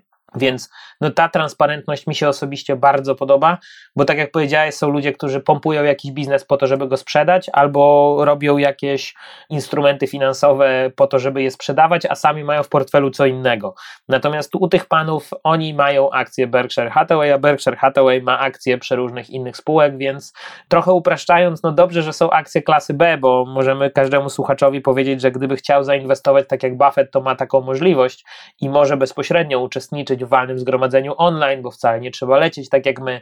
Mm, sam fakt, że walne zgromadzenie jest w sobotę prowadzone, to też nie jest dlatego, że jest wielka impreza, ale też przede wszystkim dlatego, żeby inwestor zawsze miał wgląd w raport finansowy, nie w trakcie sesji, żeby to był jakiś grom z jasnego nieba, tylko żeby on miał cały weekend na przeczytanie i przemyślenie tego, co się w spółce wydarzyło to, co powiedziałeś, to taka transparentność jest naprawdę czymś, co mnie osobiście bardzo przekonuje do tego, bo oni nie złamali tych zasad przez wiele dziesięcioleci i ten track record jest po prostu zabójczy z tej perspektywy. Żadna chyba polska spółka nie jest w stanie mieć takiego już czysto historycznie, bo jesteśmy za młodzi. Mm-hmm, no jasne. Ale to powiedz w takim razie, jeżeli ktoś myśli o inwestowaniu, zwłaszcza na rynku amerykańskim, czy w takim razie zamiast samemu starać się kopać z tym rynkiem i starać się go pobijać, to czy nie najprostszym podejściem, nie najprostszą metodą jest po prostu kupienie sobie do portfela tych spółek e, Warrena Buffetta, e, Berkshire Hathaway. Jak sam wspomniałeś, można to zrobić nawet jeżeli nie jest się milionerem, bo teraz dosłownie za, nie wiem, tam kilkaset dolarów można chyba już Chyba 230, coś takiego. No ledwie ponad 200 dolarów jedna akcja kosztuje, więc spokojnie do zrobienia. Mhm. No i czy w takim razie nie jest to dobre rozwiązanie dla kogoś, kto, no bo tu jeszcze jest kwestia tych dywidend. Ja wiem, nie wypłacone są dywidendy i to jest taki, powiedzmy, ość niezgody pomiędzy niektórymi osobami, które by chciały tę dywidendę, natomiast Buffett też to uzasadnia, dlaczego tego, tej dywidendy nie ma. Ale czy nie uważasz, że to nie jest fajne kupienie takiej spółki do portfela, bo tak naprawdę mamy od razu, no to jest tak jakby kupienie ETF-a, tylko takiego bardzo specyficznego, w cudzysłowie, nie, nie, bo tutaj za tym stoją żywi ludzie i to najlepsi inwestorzy na świecie, którzy dobierają nam do tego portfela niezłe spółki i oni się tym zajmują full time, na, na pełny etat, robią to przez y, dziesiątki lat. To czy my możemy w ogóle z nimi konkurować? To prawda, to jest bardzo fajne, zdroworozsądkowe podejście, tylko musimy przeskoczyć ileś takich swoich obiekcji, I wydaje mi się, że to jest takie kluczowe, bo, bo wszyscy od dobrych kilku, jak nie, niektórzy kilkudziesięciu nawet lat, boją się, co będzie ze spółką bez Buffetta. I to jest na pewno coś, co wszyscy przeżywają, co co roku w Stanach jest ważnym elementem tego spotkania, jak dyplomatycznie zadać panom to pytanie i co odpowiedzą w tym roku. Mm, oni oczywiście transparentnie zachęcają do tego, że, żeby zadawać te pytania, oni tak odpowiedzą, że tam jest zestaw menedżerów, który i tak już dokonuje tych transakcji, więc żeby tam nikt sobie nie wyobrażał, że ten jeden Warren z Charliem e, tylko siedzą i wybierają i tam nikt nie ma nic do powiedzenia, więc y, oni twierdzą, że to jest czysto wizerunkowo-psychologiczny element, co będzie, jak ich zabraknie, bo spółka będzie działać dokładnie tak, jak działa. A propos sukcesji, nawet nazwisko się nie zmieni, bo, bo prawdopodobnie na czele spółki będzie Howard Buffett, czyli syn Ale faktycznie zarządzać będzie ten team, który pracuje teraz. Więc to jest ta jedna obiekcja, którą gdzieś trzeba przeskoczyć, że jesteśmy w tym czasie, kiedy wszyscy się boją, jak będzie wyglądało Berkshire bez Buffetta.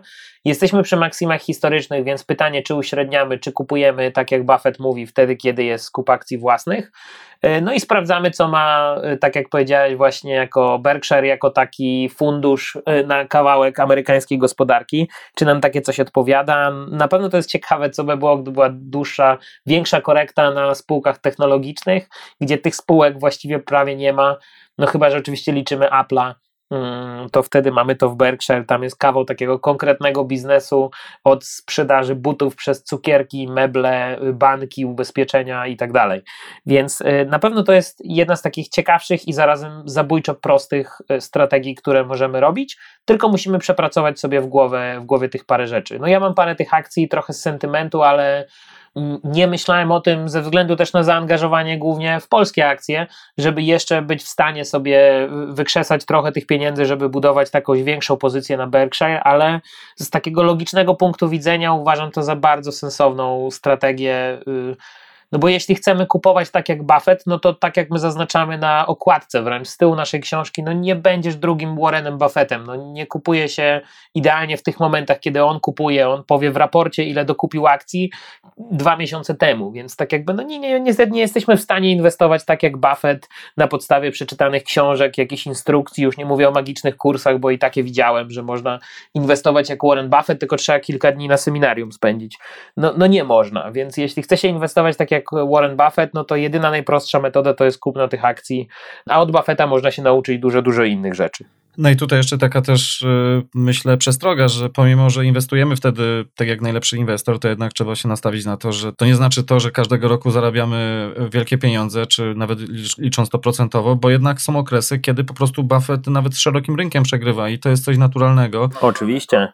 I to były takie okresy bardzo bolesne, bo jak patrzy się na to, jak jest obsunięcie kapitału czasami przy Bessie, która potrafi też poturbować mocno Berkshire, no to to jest pytanie, czy inwestor jest w stanie spojrzeć na rachunek i zobaczyć, że mam akcje nad którymi piecze tak jakby ma Warren Buffett, a one i spadły o 20% w związku z jakąś silną korektą czy coś takiego, więc to też musimy przepracować. Warren Buffett kilka razy w historii patrzył, jak jego portfolio topnieje nawet o 50%. I to jest siła tej psychologii inwestowania, że on dobrze wie, że nic się nie stało i być może to jest moment na dokupienie jeszcze akcji. No właśnie, i to jest też czasami tak, że mm, wynotowałem sobie tutaj od czerwca na przykład 1998 roku do lutego 2000 Berkshire traciło coś w okolicach 40%, a szeroki rynek wtedy zyskiwał 30% około. No więc no, to trzeba mieć dużo też y, dyscypliny i wiedzieć, co się robi, żeby móc wytrwać, żeby nie porzucić takiej inwestycji w, w najgorszym y, możliwym momencie. Ale jak już mówimy o tych wy, y, wynikach Berkshire Hathaway, to czy to nie jest tak, że właśnie taki pomimo, że zarabia teraz Berkshire Hathaway od kilku ładnych lat, od, mamy hossę na rynku amerykańskim, ale jednak y, jak sobie zerknąłem tutaj e, na wyniki Berkshire Hathaway od 2008 roku, tuż przed tym wielkim załamaniem, do, do dziś, do 2020, do początku 2020 roku, 12 lat, to taki zwykły ETF na S&P 500 e, SPY zarobił około prawie 200%, a Berkshire Hathaway około 150%, czyli tak naprawdę poniżej tego, co zrobił prosty ETF. To też po pierwsze według mnie wskazuje, że to już jest trudnością w inwestowaniu w taką spółkę, bo widać, że no, ktoś może powiedzieć łatwo, że Buffett przegrał, a, aczkolwiek ja byłbym bardzo ostrożny z takim stawianiem. Ja też e, bym chciał przegrywać z takimi wynikami inwestycyjnymi. Naprawdę dokładnie, chętnie bym dokładnie. był takim przegranym za te 150% w tym okresie. Ale żeby właśnie oddać y, tutaj prawdę, to za 20 lat jednak, y, o ile S&P zyskało około 220%, czyli to też widać, że większość tego wyniku, który ja mówiłem za ostatnie 12 lat, to tak naprawdę dużo zmył z tego ostatni e, kryzys w 2008 roku. Czyli za ostatnie 20 lat SPY, czyli S&P 500 zarobiło ponad 200%, a Berkshire Hathaway zarobiło około 500%, ponad, prawie ponad dwa razy więcej. Także tu pokazuje, że im więcej e, mamy tego czasu na osi, im więcej tego czasu upływa, to tutaj ta przepaść Berkshire Hathaway nad, nad e, takim powiedzmy pasywnym inwestowaniem jest coraz większa. Ale wspomniałeś też o tych ograniczeniach kapitałowych, to znaczy to, że Berkshire Hathaway jest na tyle już duże, że to stanowi pewien problem i dlatego też między innymi on kupił, e, Warren Buffett zdecydował się kupić taką płynną spółkę, jaką jest Apple. Żeby też może słuchaczom nieco uzmysłowić, e, teraz kapitalizacja e, na giełdzie Berkshire Hathaway to jest około, sobie tu wynotowałem, ponad 560 miliardów dolarów. Żeby to też może dla tych, którzy na GPW inwestują, to tak dodam, że kapitalizacja PKN Orlen to jest niespełna 10 milionów. To niemalże 60 razy PKN Orlen jest mniejszy, licząc przez kapitalizację od e, Berkshire Hathaway. Czy ty sądzisz, że właśnie ta wielkość Berkshire Hathaway może być e, tym, co będzie najbardziej taką kulą u nogi tej spółki? Znaczy, na pewno to jest to, co już wspomina i, i, Warren, i Charlie, i wielu innych analityków, chociażby z amerykańskiego rynku, że y, to, jakim kolosem już jest na giełdzie, bo my cały czas mówimy o tych największych spółkach jednym tchem, że to jest Apple, Microsoft, Amazon i tak dalej, ale znowu, zaraz po tych spółkach gdzieś tam jest wspomniany przez ciebie Berkshire z tą ogromną kapitalizacją, plus z gotówką na poziomie 130 miliardów dolarów, więc oni mają tyle gotówki na inwestycje. Nawet jak oni kupią jakąś malutką spółeczkę, która wzrośnie o kilka kilkaset procent, to nadal jest kropla w morzu tej kapitalizacji, która w tym momencie jest. Więc to siłą rzeczy determinuje trochę to, że to już nie jest tak agresywny wehikuł inwestycyjny, jak był kiedyś. To ten efekt malutki bazy, to wytypowanie najlepszych graczy na rynku, no to sam Warren mówi wprost, że on widzi świetne spółki, które mogłyby dać zarobić, ale akcjonariusz Berkshire pewnie tego nie odczuje ze względu na ich malutki rozmiar. Więc to już po prostu jest trochę inwestowanie innym gabarytem.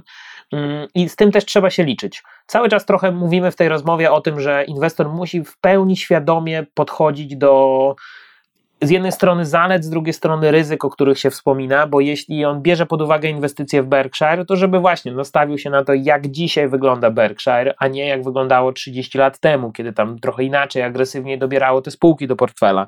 E, więc Wydaje mi się, że, że jest dokładnie tak, jak powiedziałeś, że, że musimy zdawać sobie po prostu sprawę z tego, czym jest dzisiaj Berkshire, jak płynne, duże spółki ono musi kupować w zasadzie partiami, no bo gdzie, jakie akcje tak naprawdę y, można kupić na giełdzie, kiedy musimy mieć tak płynną spółkę, że chcemy wrzucić tam kilka miliardów dolarów, co przekracza czasami dzienne obroty na wielu spółkach, więc no skala jest zupełnie inna niż, tak jak świetnie porównałeś do PKN Orlen, żeby zrozumieć trochę skalę tego biznesu, ale i tak wielki plus jest tego, że dzisiaj rozmawiamy sobie o tym, jak w ogóle można kupić te akcje. No a jeszcze kiedyś to było kompletnie nie do pomyślenia i każdy próbował jakoś kopiować, że skoro Warren ma Coca-Colę, to ja też będę miał Coca-Colę, tylko bez wnikania po jakiej cenie i w jakim celu w ogóle kupił Warren Coca-Colę. Więc to, to jest właśnie to, żeby taki big picture łapać szeroki kontekst i, i rozumieć, jakie są te ryzyka wynikające z naszej decyzji. Mhm. A czy myślisz, Tomku, że problem sukcesji to jest faktycznie realny problem? No, ja oczywiście chciałbym, żeby Buffett jak najdłużej jeszcze e, kierował e, Berkshire Hathaway i myślę, że wielu inwestorów na świecie e, również by sobie tego życzyło natomiast no, no, pewnych rzeczy nie przeskoczymy i w pewnym momencie kiedyś będzie musiał odejść z tej spółki. Czy myślisz, że to może wtedy stanowić jakiś problem, czy też myślisz, że ten problem sukcesji nie jest takim wielkim problemem i ludzie, którzy już obecnie tam są, wiedzą jak to się robi i mogą spokojnie przejąć stery? Znaczy, staram się nie prognozować tego typu sytuacji nigdy, ale gdzieś mam z tyłu głowy, że już jedną inwestycyjną, taką słynną zmianę warty przeżyłem i chodzi oczywiście o, o Steve'a Jobsa, gdzie zobaczmy, jaka była wtedy zmienność, jakie było szaleństwo, że ten, ta spółka upadnie, bo ona się opierała tylko na Jobsie i tak dalej. No i gdzie dzisiaj jest ta spółka? Mam z tyłu głowy, że może być duża zmienność, może być wiele podejmowanych pochopnych decyzji emocjonalnych, ale pytanie właśnie, y, czy coś się zmieni, bo pamiętajmy, że Berkshire Hathaway składa się ze spółek, których akcje posiada czy 100% tych akcji, czy 2%, 1% i tak dalej, ale to jest taka wypadkowa tego, co oni mają w portfelu. Więc to nie jest tak, że odejście, nawet gdyby Buffett teraz powiedział, dobra, idę na emeryturę, co za zakładamy, że oczywiście się nie zdarzy, ale gdyby hipotetycznie Warren tak zrobił, to przecież to nie sprawia, że spadają akcje Coca-Coli, spada dywidenda w Apple i tak dalej. Musimy mieć trochę taki fundamentalny, zdrowy rozsądek, co się składa na sukces Berkshire, oprócz samej osoby Buffetta, która na pewno jest takim turbo doładowaniem y, marketingowo, wizerunkowo. No, no, no, z każdej strony właściwie dzisiaj już możemy powiedzieć, że to jest ta legenda kapitalizmu, która jest twarzą Berkshire, ale czysto fundamentalnie zastanówmy się, co tak naprawdę w środku ma ta spółka i od czego jest ten sukces zależny. No portfolio Buffetta można spokojnie zajrzeć, czy nagle amerykańska bankowość upadnie o kilkanaście procent, jak zmieniał się zarządzający w Berkshire? Raczej nie, więc ja wcale się nie zdziwię, jak to będzie jedna z najlepszych okazji historycznych do zakupu tych akcji, no ale mówię, tu musimy jeszcze, mam nadzieję, wiele, wiele lat poczekać na, na wyjaśnienie tej sytuacji. Rozumiem. Okej, okay, to myślę, że tym optymistycznym akcentem, e, mimo wszystko, zamkniemy temat e, Warrena Buffetta i Berkshire Hathaway. Tak jeszcze dopytując na koniec, czy ty no, ze swojej perspektywy już przez te lata, które jesteś na rynku, mógłbyś e, przekazać nam jakąś jedną swoją największą lekcję, którą przeżyłeś, której udzielił ci może, że tak powiem, rynek?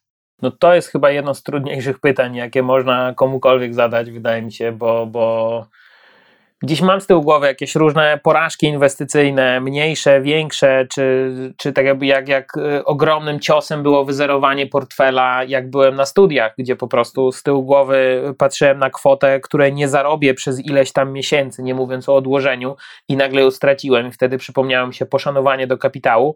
Ale wydaje mi się, że mimo wszystko taka największa lekcja to jest y, zdroworozsądkowe patrzenie fundamentalnie na rynek, kiedy wszyscy panikują, bo pamiętam doskonale jako dziennikarz finansowy 2011 rok i to jest coś, co mi mocno zostało w głowie.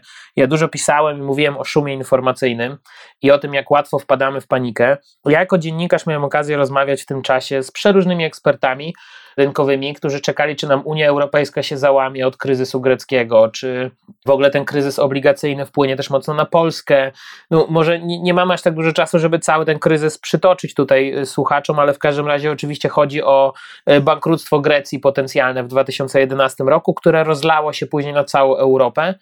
I pamiętam wtedy, że była nawet taka prawdziwa, żywa panika, o której często czytałem, a wtedy zobaczyłem ją na, na własne oczy, kiedy przychodzili do mnie goście do studia, albo w ogóle byłem na jakichś konferencjach i prezesi banków zarządzający wielkimi firmami do kamery mówili jedno, a później poza kamerą mówili, że oni się panicznie boją o losy Europy i tak dalej. Widać było taki prawdziwy, namacalny strach na rynku. I to było chyba pierwszy raz, kiedy takie coś widziałem, gdzie później okazało się, jak łatwo można było z tego kryzysu wyjść, i dzisiaj na nikim nie robi wrażenia kolejna transza pomocowa dla Grecji. Więc z dzisiejszej perspektywy to była dla mnie taka niesamowicie cenna lekcja na rynku kapitałowym że y, najlepsi potrafią ostudzić emocje i w takich właśnie sytuacjach y, potrafią szukać okazji. I wydaje mi się, że dzisiaj trochę lepiej do tego po prostu podchodzę, kiedy widzę jakieś afery finansowe, kiedy widzę jakieś duże problemy na rynku. W ogóle nie udzielają się te emocje. Bardzo racjonalnie jestem w stanie ocenić, czy ten kryzys wpłynie na mnie, czy ten kryzys wpłynie na to, co mam w portfelu, czy wpłynie może na moją pracę, bo wbrew pozorom, akurat bloger finansowy może mieć dużo większą oglądalność w czasach kryzysowych, bo w czasach mhm. kryzysowych wszyscy się interesują tematyką finansów. Więc to jest takie paradoksalne, ale myślę, że nasz podcast też może być częściej słuchany w momencie, kiedy indeksy będą spadać, niż jak będą rosnąć. Ale to była dla mnie taka poważna lekcja, kiedy zobaczyłem od kuchni w branży finansowej potężny kryzys, kiedy wszyscy po prostu bali się o przyszłość, a fundamentalnie nie było się aż tak o co bać, co patrzymy z dłuższej perspektywy. Więc to, to była dla mnie cenna lekcja na rynku kapitałowym, że jednak emocje musimy odsunąć na bok, a emocje są czasami doskonałe do okazji inwestycyjnych. Mhm. No, wiele razy przeczytamy to chociażby w różnych publikacjach o Buffetcie, ale ten jeden, jedyny raz bardzo mocno poczułem to na własnej skórze, kiedy rozmawiałem ze spanikowanymi przedstawicielami rynku kapitałowego, finansowego w Polsce i w Europie, a lada moment okazało się, że to była doskonała okazja do tańszego zakupu akcji i, i dało się uratować sytuację bardzo szybko. Mhm. Czyli buy the fear, sell the greed, właśnie te słowa Warrena Buffetta. Tak, raz w życiu przeżyłem to tak naprawdę na sobie i, i to gdzieś mi siedzi z tyłu głowy, gdzie już to dawno temu było i byłem dużo gorszym inwestorem niż teraz, bo przecież 2011 rok, kiedy to było, ale mimo wszystko to tak jakby zobaczenie na własnej skórze, jak działa y, tego typu panika na rynku y, polskim, rodzimym, kapitałowym, była arcyciekawym przeżyciem. Mhm. Wymordowałem cię już tutaj niemalże chyba nawet przekroczyliśmy dwie godziny. Ostatnie, dosłownie ostatnie pytanie. Jakieś polecane źródła wiedzy, nie wiem, książki, strony internetowe, y, może jakieś osoby, mm, nie wiem, serwisy i tak dalej. W Polsce pewnie jakbyśmy sobie usiedli, to byśmy przejrzeli listę blogów finansowych kilkudziesięciu i by każdy znalazł coś dla siebie, jeśli chodzi o takie dokładne podejście do finansów, więc pewnie by nam zajęło długo wymienianie tak z wielu, wielu z nazw, ale ale wiele jest takich rankingów, zestawień blogów, które każdemu po prostu polecam początkującemu, żeby sobie przejrzał, co kto komu pasuje, od czego się może od niego nauczyć i tak dalej bo tych źródeł wbrew pozorom wcale nie jest też tak dużo na polskim rynku kapitałowym. Niestety wcale dużo takich fajnych źródeł nie ma w polskich mediach, y, które jednak nie oddają tego charakteru osobistego inwestora.